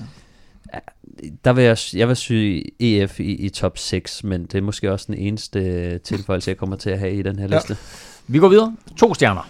Der har jeg øh, AG2R Tak. og, øh, og Frances Descheux og Katusha, faktisk. Okay. Tre stjerner. Øh, Dowsett og Mads Wirtz og Zakarin og, og Paulit øh, Mm. er jo altså mm. nogle ordentlige... Spørgsmålet er igen, de har ikke så meget at køre for. Så, øh, så det ved vi ikke rigtigt. Øh, tre stjerner, øh, Astana, Movistar og CCC. Okay. Og øh, fire stjerner, Sunweb, Jumbo Visma og Bahrain Merida, som jo nærmest har overtaget, øh, øh, hvad hedder det, BMC. Eller i hvert fald Nå, så glæder mig, nu glæder jeg mig til at høre. Altså, vi ved, at Team Ineos har fem stjerner. Hvem har ellers fem stjerner? Det har The Koenig Quickstep og Mitchelson Scott. Jamen, der har vi det altså. Det er, det er sådan, som, øh, som Kim han uh, ser top 15, og uh, altså top 3, Ineos, Det Kønne Quickstep og Mitchelton Scott.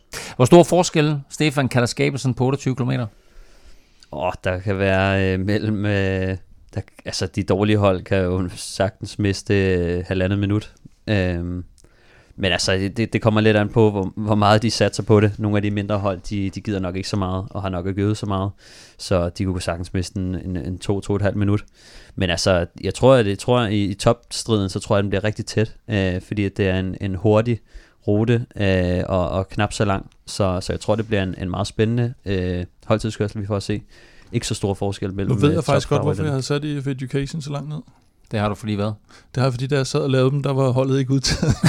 så jeg havde kun, de, havde kun dem, de, de anslog inde på... Øh, så øh, jeg godt, nu, nu sad jeg faktisk lige og kiggede på det, og sagde, det er sgu da egentlig underligt, jeg har sat dem så langt ned på det der. Det kan ja. godt være, de skal lidt opad. Godt. Ja. Ja, men når, de så, når, når, når, når så øh, dine stjerner kommer ud på de sociale medier, så, så, må, vi jo så, se, så må vi så se, hvor ja. EF Education de ligger henne. Øh, spørgsmål her, Kim. Øh, lidt afhængig selvfølgelig, hvem der vinder øh, holdtidskørselen her. Hvem er i gult efter anden dagen? Mm, jamen, jeg, jeg tror, det er en rytter for Ineos, fordi jeg tror, at de, de vinder med mere end 10 sekunder ned til, hvem der nu måtte vinde den første etape, i forhold til bonussekunder. Men det er vel også uh, det Kødix uh, store mål, at, at, at, at køre Viviani ind på en, på en god placering, hvis han får og så en gå, gå all in på, uh, på holdtidskørselen. Ja. Ikke? Og hvis de kan holde sig i på niveau med, med Ineos, og så samtidig, at han har nogle bonussekunder fra, så, så kan han også godt... Og så øh, hørte vi jo Mørke, at vi snakkede om, at de måske ikke var så stærke på, på holdskørslen, fordi de havde lidt mere fokus på sprinten, men, men der mener Mørke så noget andet, altså at de, de her sprinter, de kan godt fyre nogle... Øh, det er jo en kort øh, holdtidskørsel, ikke? Så han, han mener godt, at de godt kan sidde i boks i, Viviani i, i, kan den i tid. hvert fald, kan jo godt i hvert fald, jeg er lidt mere i tvivl om øh, Richese, om han, øh, om han Nå, ikke bliver skidt altså, skidt af. Der er nogle stærke Du skal, du skal have fire altså. mand med til mål, og Elia Viviani skal sidde blandt de fire, hvis det er sådan, at han skal have ja. den gule føretrøje, og han skal så uh, formodentlig også vinde, eller i hvert fald blive to dagen før. Og så har de jo altså Alaphilippe, Lampard og Askren. Altså, de, de kommer jo i hvert fald jeg tror, Askren bliver et monster på den ja. etape der. Men de dem. tre bliver totalt monster, og det er jo det, ja. man kan sige, alt efter hvilken taktik du bruger. Ineos bruger nok det med, at de vil nærmest have hele holdet med hjem øh, hele vejen, fordi de så får en fordel ud af det på de sidste kilometer. Men jeg kan godt forestille mig, netop med den holdsammensætning, de König har, at de, at de får skidet nogle af dem af. Øh, måske endda også Mørkøv, at han så lige går op og tager alt, hvad den kan trække i starten, ja, sammen tror, med Rikese. Jeg tror også, Mørkøv er god til det der. Uh, ja. han, er, han, han sidder godt på cyklen. Og så må og... Alaphilippe og, og Lampard og Askren, de må så lige hive øh, Viviani med hjem til sidst. Og så går det lige op for mig nu faktisk, nu at uh, Stibar ikke er med. Og det var jo også en af de rytter, som vi jeg, jeg var stensikre. Ja. Men øh, også meget mærkeligt. Men Ej, det var lige sådan en, stopper. Vi har tidligere talt om, at Stibar var en af de to ryttere, som Kasper Askren eventuelt kunne slå af. Så, det er jo fordi, det er et stærkt hold. Stiber har jo kørt ja, vanvittigt for. Vi snakker om Sabatini og sådan nogle der. Ja, det, Nå, det, var en, uh, det var en helt anden ting. Nå. Mandag bliver der mulighed for at smage gyldne dråber, de her. Ja. Fordi øh, tredje etape begynder i Belgien, og så slutter den i Epernay, som er epicentret i Champagne. Her der ligger øh, mange af de mest berømte champagnehuse, så det er nok ikke helt tilfældigt, at øh, turen de øh, gør hold der i år. Etappen den er på 215 km, den er sådan flad det meste af vejen, men så kommer der lige en kategori 4 og tre kategori 3 stigninger til sidst. Mads Wirtz udtalte i dit interview med ham, Kim, at han havde udset sig i etappen. Vi har talt tidligere om Michael Valgren, vi har nævnt den Alexander Kristoff. Hvis jeg nu siger Peter Sagan, hvad siger I så? Så siger jeg, at han er en god, rigtig god cykelrytter. øh, nej, men han er, han er jo blandt favoritterne, og den går også opad til sidst på en ukategoriseret stigning. Så, så, så hvad hedder det, opløbet stiger også, og det kan næsten ikke undgå at blive godt vedløb. Altså det i hele finalen der, fordi... Og hvis der, lige sige, det er en ukategoriseret stigning, det er ikke en stigning uden for kategori, den er bare... Nej, altså, nej, den, den, den går opad, men altså, den, er bare, den er bare ikke kategoriseret. Jeg kan ikke huske, hvor meget det er, den går opad, men det er... Men det er lige, men det er lige nøjagtigt sådan en afslutning, der passer, der passer godt til ham, og for den sags skyld til en valgren i form. Ja, og til Matthews og til Colbrelli og til... Altså, der er sgu ja, mange... Colbrelli er faktisk også et rigtig godt bud på den der. Men, men der er mange, fordi... Det, altså, ja, og, eller, eller bliver det netop nogen, der skal afsted udefra. Der skal, det skal Valgren på den her, tror jeg. Jeg tror, jeg tror altså ikke, han kan sætte dem øh, på, på opløbsstrækningen. Og det skal Nicky Terpstra øh, typer som dem. Van Avermaet er selvfølgelig også en, der kan vente til, til, til sidst. Ikke? Men, men altså, godt vedløb, det, det kan du ikke undgå, fordi uanset om det er et udbrud, der så er afsted, eller om det er om, om felt skal sidde og jagte dem, eller om det er bare feltet, der ligger samlet. Når de rammer de her stigninger, så, så vil der blive rykket i højre og venstre. Øh, og så vil, kunne man godt forestille sig, at Ineos faktisk vil prøve at sidde og, og spille øh, kedeligt og prøve at holde det sådan meget samlet for Øh, en, ikke fordi de nødvendigt, de vil jo ikke rigtig have etappesejren, tror jeg egentlig, men de vil bare ikke have det hele eksplodere fuldstændig, fordi det kan altså godt hvis de sidder og sover for meget der, så kan det godt øh, stikke af i højre ja, venstre. Også fordi at vi ved, hvor, den, hvor de, de kører den sikre stil. Ikke? De ja. vil gerne holde deres, deres, øh, deres hold ude af problemer. Så de kommer til at hente nogen. Altså der er jo nogen, der vil sidde og forbande dem langt væk og sige, hvorfor fanden i helvede skal I ligge og hente os her? Men mm. de sætter simpelthen bare så højt et tempo for at holde deres egen rytter ude af, ude af De vil faktisk prøve at dræbe cykelløbet ja. i virkeligheden øh, og holde dem selv øh, ude af problemer. Uanset øh, hvordan etappen den udvikler sig, så ved vi, at vinderen kan om aftenen skåle i rigtig god champagne.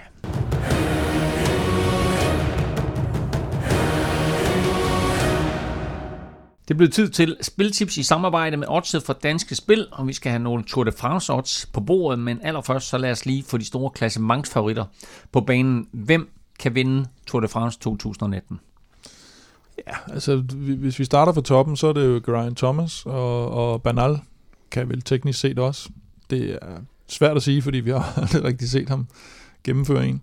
Så, øhm, eller jo, gennemføre en, men ikke, øh, ikke køre klassement. Så har vi Jakob Fuglsang. Jeg tror godt på, at han kan, han kan godt vinde Tror du virkelig på, at han kan Jeg vinde? tror godt, han kan vinde turen. Men øh, ja. Det, det, det kan han jo med, det, med den måde, han har kørt på, og den, eller netop den måde, han har kørt på, ja. er nok det, der er mest for, for mig. Og så øh, efter de tre, så... Okay, vi har de to franskmænd, Thibaut Pinot og, ja, øh, Pinot, og Bardet. Pinot måske. Jeg ved sgu ikke, hvorfor jeg har et eller andet med Pinot. Så tror jeg ikke, jeg kan Nibali. se ret mange. Nej, tror jeg ikke. Eller jeg tror ikke på det. Jeg tror Hvad ikke, og en af, en af de tre kanoner fra Movistar? Nej, jeg tror, de får det fucket op igen. og jeg tror ikke, jeg tror simpelthen ikke, Quintana har øh, niveauet til det. Landa er nok næsten ham, jeg tror mest på. Fordi han er så skør og utilregnelig. Ja, altså så skal det være sådan et eller andet. Og, så, har, og, og han ikke bliver holdt tilbage. Vi har nævnt en, en, en masse i løbet af udsendelsen her, men øh, hvem har vi som outsider til podiet? Ah, der er altså, virkelig mange jo. Jeg har, jeg har øh, det, det, det kommer til at lyde mærkeligt, men jeg har lidt en fidus til Richie Port. Mest, okay. Ja, men det, det, det er mærkeligt, men øh, det er bare fordi, han har, han har været så god før. Altså, mm. Øhm, og, og nu prøver han igen ikke og, og få et nyt hold, og de må fandme have gjort et eller andet ved ham. øh, og han må selv, siden han stiller op igen, må han selv have en eller anden form for tro på det. Øh, ellers så havde han jo ikke stillet op, for fanden. Øh, så det, det er kun ud fra, at han har kørt vanvittigt stærkt øh, før, ikke? Øhm, og, øh, og han vender tilbage til turen. Øh, så og, også fordi, at sådan... Skal han bare lige holde sig på cyklen? Ja, så altså, jeg ville selvfølgelig gerne se, at han havde kørt lidt stærkere til nogle af de andre cykelløb, men, øh, men siden at, at, at der er så mange af de andre, der ikke er med, altså han skal i gåsøjne bare følge med Banal og Joanne Thomas i bjergene, og derfor fanden ikke øh, Contador og Quintana øh, på topniveau. Ja, han, tager altså, han tager jo så stadigvæk i, både på enkeltstarten og i holdtidskørselen, så han skal jo sætte dem på et tidspunkt. på enkeltstarten taber han jo ikke, øh, måske lidt til Joanne Thomas, men han har også mm. før været øh, ekstremt god på enkeltstarterne. Øh, tidligere i sin karriere i hvert fald. Så ja. altså, jeg kan ikke se, at han har en kæmpe svaghed der i hvert fald. Øh, men det er kun, hvis du ser det ud fra det seneste år, øh, så har han ikke lige været der, men evnerne er der. Øh, han har holdets opbakning, og han har ja. to gode hjælpere i Bauke Mollema og Chicone i bjergene, ikke? så måske en lille fidus til ham. Øh, ja. Jamen, øh, det var outsiderne. Så har vi talt om, øh, så har vi talt om sprinter, øh, og øh, hvem der ligesom er de store favoritter der. Er der nogen, som vi ikke har talt om, vi lige skal nævne?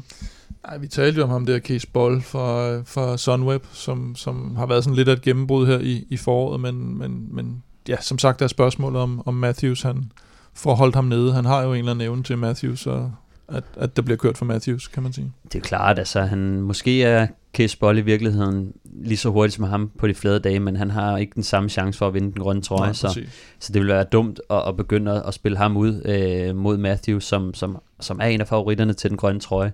Men når det så er sagt, så er Case Boll et rigtig spændende navn, som, som bare har støvsuget sejre til sig i, i Holland og Belgien øh, i sin karriere, øh, og så kommet ind på Sunweb nu og, og begynder at få sit store gennembrud. Og første etape er, som bekendt, i Belgien. Ja, Vi skal, have, øh, vi skal have Velropas vinder, vi skal have Stefan Staltip, og vi skal have Plesners Pote, og vi lægger ud med Velropas vinder. Kim, hvem har vi valgt her? Ja, men der er jo egentlig... Øh, vi har fået lavet sådan en Velropa Special med, hvem der er i gult efter holdtidskørselen. Og, øh, og der tror jeg jo, det er en rytter for Team Ineos. Og det giver faktisk godt 2,80, så det synes jeg er ret godt. Men forudsætningen for, at de får en i gult, er nok, at de vinder holdtidskørselen. Og øh, den giver 2,75. Så det er kun øh, 0,05 0,05, man vinder på den. Mm. Og de kan jo reelt set godt vinde holdtidskørselen, og så er der ikke en, der Mm. mm. ender i føretrøjen, hvis ikke de vinder den med nok maven til, til nogle af sprinterne. Så Mm. mm. jeg vil nok tage, at, at de vinder holdtidskørselen til, til 2,75. Det synes jeg er et, et fornuftigt også på, på så godt et hold. Så altså, Velropas vinder er, at Team Ineos vinder holdtidskørselen søndag til odds 2,75. Stefan, vi skal have et staldtip på banen. Ja, men nu har jeg jo allerede drysset to ud i, i løbet af udsendelsen. Øh, Romain Bardet i top 3 til odds 6, og Geraint Thomas i top 3 til odds 91. Men det, som jeg vil gå til øh, lige her nu, det er øh, Peter Sagan i top 3 til odds 91 også På hvad? på første etape. Peter Sagan i top 3 på første etape. Og det er, øh, det er, det er set ud fra, at, at øh, der ikke er så mange sprinter med. Øh, og, og jeg tror godt, øh, han, har, han har vist, at han har niveauet igen, synes jeg. Øh, og øh, der er reelt set kun tre øh, dygtige sprintere med. Øh, derefter så er det sådan nogen som Christoph Matthews. Han skal, jeg tror, han er bedre end de er. Øh, og kan han slå en, en Caleb Ewan eller en Viviani eller andet. Det er bare sådan med Sagan, ikke? at det er sjældent, han vinder de her rigtige sprinter, men, men han er som regel i top 3. Så, så jeg synes bare, det, det, det er et fint odds, så jeg, øh, jeg tror på, at han godt kunne, kunne, kunne lande den. Jamen altså, Peter Sagan i top 3 er Stefans staldtip til odds 91. Øh, lige sige, Roman Bardet i top 3 giver altså odds 6, og det var vel at mærke... Det er, det er mit bedste tip, faktisk. Ja, og det var vel at mærke top 3 samlet på hele turen, ikke? Ja. Øh, Plesners Podie, og det er også en rytter i top 3. Og er det så på en etape, eller er det sådan samlet, eller hvad er det, Kim, du har valgt her? Øh, det er på en holdtidskørsel, tror jeg, jeg vælger. Jeg havde egentlig også lidt Christoph i top 3, lidt med sammen øh, som, som Stefan, ikke? at øh, Mm. der, er, der er kun tre af de store, man skal slå for at komme i den top 3. Han kører måske meget godt i det der Belgierlandskab. Øh, odds 6 for en podieplacering er sgu meget På godt første etape. Øh, på første etape, ikke? Øh, hvis, hvis han lige kan ramme den der. Men øh, jeg tror altså, jeg går med en lidt mere fesen, og det er øh, Mikkelton Scott i top 3 på holdtidskørselen øh, til odds 91. De, de skal køre fuld gas for, øh, for Adam Yates, og de har som sagt øh, et, øh, et rigtig, rigtig stærkt, og de har en rigtig god tradition for holdtidskørsler, og de har, de har ikke et svagt kort overhovedet på det hold. Og ikke at forglemme, de har fået fem stjerner af selveste Velropa Kim. Ja, det er rigtigt. Ja, du går efter pengene på de her, kan jeg godt høre. Altså, Går til pengene? Hvad fanden, jamen, hvad det- fanden det- spiller man godt ellers Hvad går du 91. efter, når du spiller? Jeg siger bare, at det, det er et par gode odds. Altså, Ja. du, går, Nå, du ja. satser ikke øh, ret meget. Det, det er rimelig sikkert. Vi kan lide det. Ja. Det er altså en podiepassering på søndagens holdtidskørsel til Mitchelton Scott. Og øh, lykkes det, så er der altså odds 91 igen.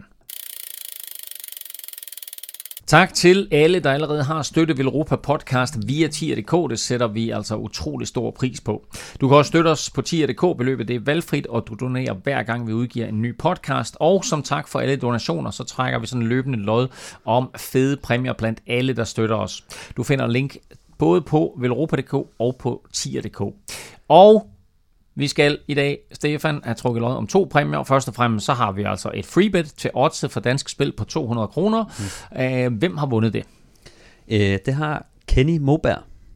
Og øh, Kenny Moberg, Kenny Moberg er. Og øh, jeg ved ikke, om han er i familie med, med Christian Moberg. altså den, den røde øh, baron. Den røde baron, som lige har øh, trukket stikket på karrieren efter DM her. Men, øh, men ja, Kenny Moberg, han, øh, han får et, øh, en, en mail snart med et 200 kroners freebet. Jamen, øh, sådan, Kenny, tillykke med de 200 kroner, og det fungerer altså på den måde med de her lodtrækninger, at øh, man får et lod i puljen for hver femmer, man donerer. Så jo, øh, jo større beløb man donerer, jo større chance er der altså for at vinde. Og så, som du nævnte i starten, Stefan, så er vi altså nu på 126, der støtter os på, øh, på tier.dk. Mm. Og 126, det var jo altså Magnus Korts startnummer sidste år i Tour de France, da, da han vandt en etape, og dermed så var det det tal, som vi ligesom satte som skæringspunktet for, at der skulle trækkes lod om en Pistoleo t-shirt. Så det har vi også gjort. Mm. Og vinderen er... Christian Lykke Olsen. Sådan. Tror jeg, han hedder. Altså, nu, det, det er noget, man, man, man, man skal tyde ud fra en mail, ikke? Så, men jeg, jeg tror, det er det, han hedder. Christian Lykke Olsen. Ja. Jamen, øh, super fint. Øh, tillykke til øh, både Kenny Moberg og Christian Lykke Olsen med, øh, med præmierne. Øh, Kim, nu har vi jo så trukket den her øh, Pistoleo t-shirt ud. Så skal vi jo have noget nyt i puljen. Hvad har vi der? Ja, vi har snart ikke flere kasketter. så, øh, jeg tænker, vi laver en, øh, en lille Garmin-pakke, som øh, vores gode venner fra Garmin har, har doneret. Med lidt drikkedunker, halsedisse og ass-saver. Hvis der er vejret, det fortsætter sådan her, så kan man sådan set bare køre med det hele året. Så tror jeg også, de kommer, så tror jeg også, de kommer med en hue og en hat og, ja. og, og, lidt af hvert. Men altså, en, øh, en fin Garmin-bakke er øh, det, vi sætter på højkant nu, og vi trækker lod om den her Garmin-pakke. Hvad skal vi sige? Vi er på 126 nu. 150? 150. 150. Vi trækker løjet om den, når vi rammer 150. Tak til alle, der støtter, og tillykke til Kenny og Christian med præmierne.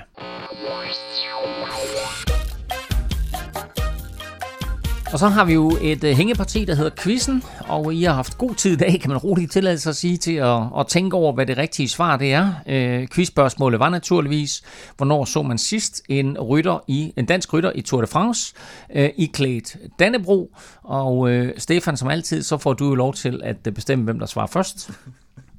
øhm, det gør jeg. Godt. Dumt, ikke? øhm, men jeg, jeg, jeg har faktisk ikke noget øh, kanon øh, bud, må jeg indrømme. Øhm, Valgren, tror jeg. Val, Valgren? Valgren?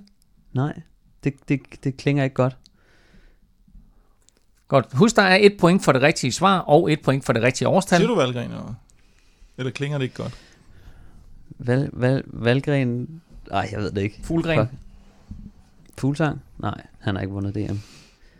Øhm, Kom nu. Jamen, jeg siger Valgren. Hvad var det? 2014, han vandt? Godt. Kan det Valgren 2014. Kim, dit svar? Oh, ja, jamen, det var også min første indskydelse, men jeg siger Chris Anker Sørensen. Okay. Hvornår var det? Det er to-tre år siden. Ja. Hvad er det for et årstal? Det kan jeg ikke huske. Jeg kan huske, at han vandt over Martin Mortensen. Så det er ikke et bud på... Det er kun et points bud. Nå, jeg skal også sige årstal, eller? Ja, ja. Sagde du årstal? Ja, det sagde jeg. Nå, så siger vi øh, 16. Godt. Jeg kan fortælle jer, at ingen af de her to svar øh, er det rigtige svar. øhm, det var faktisk lidt et trickspørgsmål. Fordi det rigtige svar, det er Brian Vandborg i 2013. Fordi der kørte han Jesus. i Dannebro som enkeltstartsmester. Havde vi kigget på landevejsmesteren, så øh, var det faktisk Nicky Sørensen helt tilbage i 2011. For, men det er fandme lang tid siden, altså. Ja, så det er, det er længe, det, og det er derfor, det er længe siden, at Dannebro har været med i... Var Chris Anker skiftet hjem til øh, Rivalde? Nej, han vandt, i, øh, han vandt øh, for... Øh, jeg tror ikke, han var med i turen. For Tinkoff. Øh, da, han, da han vandt DM, der vandt, var det for Tinkoff, og der kom Nå, han ikke okay. med i, i Så han var ikke engang skiftet til Fortuneo ja. der? Altså. Nej, han, Nå, okay. nej. Og derfor så øh, kan vi godt forstå glæden for Mørkøv over at få lov til at vise Dannebro frem, for det er altså længe siden, at, øh, at det er sket. Nu sagde jeg 2011, jeg tror faktisk, det var 2008. Var jeg lige ved at sige Niki Sørensen 2008. Jeg tror, det, det er 11 år siden, at den sidste har været der. Så øh, lang tid siden, og altså dejligt, at vi endnu en gang får, øh, får Dannebro at se. Fra de rød-hvide farver til turens farver. Vi skal have et bud de her på, hvem i tror, der napper de forskellige farver. Vi lægger naturligvis ud med den gule trøje. Hvem har gult, når rytterne rammer Paris? Det har Geraint Thomas. Jeg siger også Geraint Thomas. Jamen, øh, jeg må jo øh, stole på, at øh, hele mit øh, Valverde-flip her, det holder sig. Jeg siger, at øh, Alejandro Valverde, han, og så vil jeg komme med en outsider, der hedder Nibali. Ja, det, det, Hold da op. Det kan man jo ikke. Jamen, nu, jamen, nu gjorde jeg det. Så godt, det er mig, der bestemmer. Godt. Ja. Hvem har den prikkede bjergetrøje, når vi rammer Paris? Ja, den er vi nok enige om. Øh, det har Allan Philip. Ja, det har jeg også. Og så siger jeg også, at øh, Allan Philip, han har den. Så der var vi altså fuldstændig enige. Den grønne sprinter, tror jeg. Hvem har den? Sagan? Jeg siger sgu Kronevæggen. Ja. Uh. ja. Fordi jeg tror, han er... han kommer til at vinde mange af de mange etapper her. Okay. Jeg siger også Peter Sagan. Og så har vi så den hvide ungdomstrøje til sidst. Jeg siger, jeg siger Egan Bernal. Jeg siger også Egan Bernal. Hvad siger Kim? Jeg siger Enrik Mas. Okay. Oh, Henrik Mas? Nej, det tror du ikke seriøst på, vel? Og jeg tror også, der er relativt meget større chance for, at, øh, at han vinder den hvide, end at øh, Valverde vinder den gule. Ja, bla, bla, bla, bla. Nå, Jamen, der var vores øh, bud, øh, og dermed øh, nærmest en afslutning på, øh, på den her lange, lange podcast. Vi håber, I har fulgt med indtil videre. Vi er faktisk tilbage allerede mandag og går i studiet umiddelbart efter tredje etape, men skulle du have lyst til at se etaperne sammen med andre cykelfans, så er der faktisk god mulighed for det, Kim. Ja, vi, øh, vi holder dørene åbne, og øh, har købt lidt belgisk øl ind til, til weekend. Lidt kvartemont øl, i anledning af, at de ikke skal over kvartemont på, øh, på tredje etape. Nej, øh, det, det, ja, vi skal, vi skal have fuglsang igennem den her, og han har jo, vi har gode traditioner hernede med, med at han vinder en del fuglsang, når, når vi viser tv hernede. Og øh, det vil sige, at øh, der er åbent på alle etapper. Det er lidt forskelligt med tidspunkterne. Øh, for eksempel holdtidskørselen på søndag, den starter først Kvart over tror, to. det er 14.30 eller sådan noget, tror jeg det første hold gør. Men der har vi jo så søndagstræning, så der holder vi faktisk åben aller- allerede for 8.30. Men ellers vil det typisk være fra omkring ved 12-tiden, og så til ved 5-6-tiden, når, når etaperne er slut. Så kom ned på Velropa Café på Frederiksberg og øh, se etaperne sammen med øh, masser af andre øh, cykelfans. Du kan følge Kim på Twitter, øh, og det sker på Snablag Velropa. Stefan er som altid at finde på ste, øh, Snablag Stefan Djurhus. Nej. Og, oh, undskyld, S, S Djurhus. Ja, tak. S Djurhus. Er det Der, er- en- der er en anden, der har stjålet mit navn jo på, øh, på Instagram, så det hedder bare Estjohus. Nu hedder det S Djurhus, så husk at følge øh, Stefan på S Djurhus, og det er altså på Instagram, og undertegnet finder du alle steder på snablag NFL Ming. Tak for nu. Tak fordi du lyttede med. Tak til Garmin og Otse fra Danske Spil. Allé, allé, allé.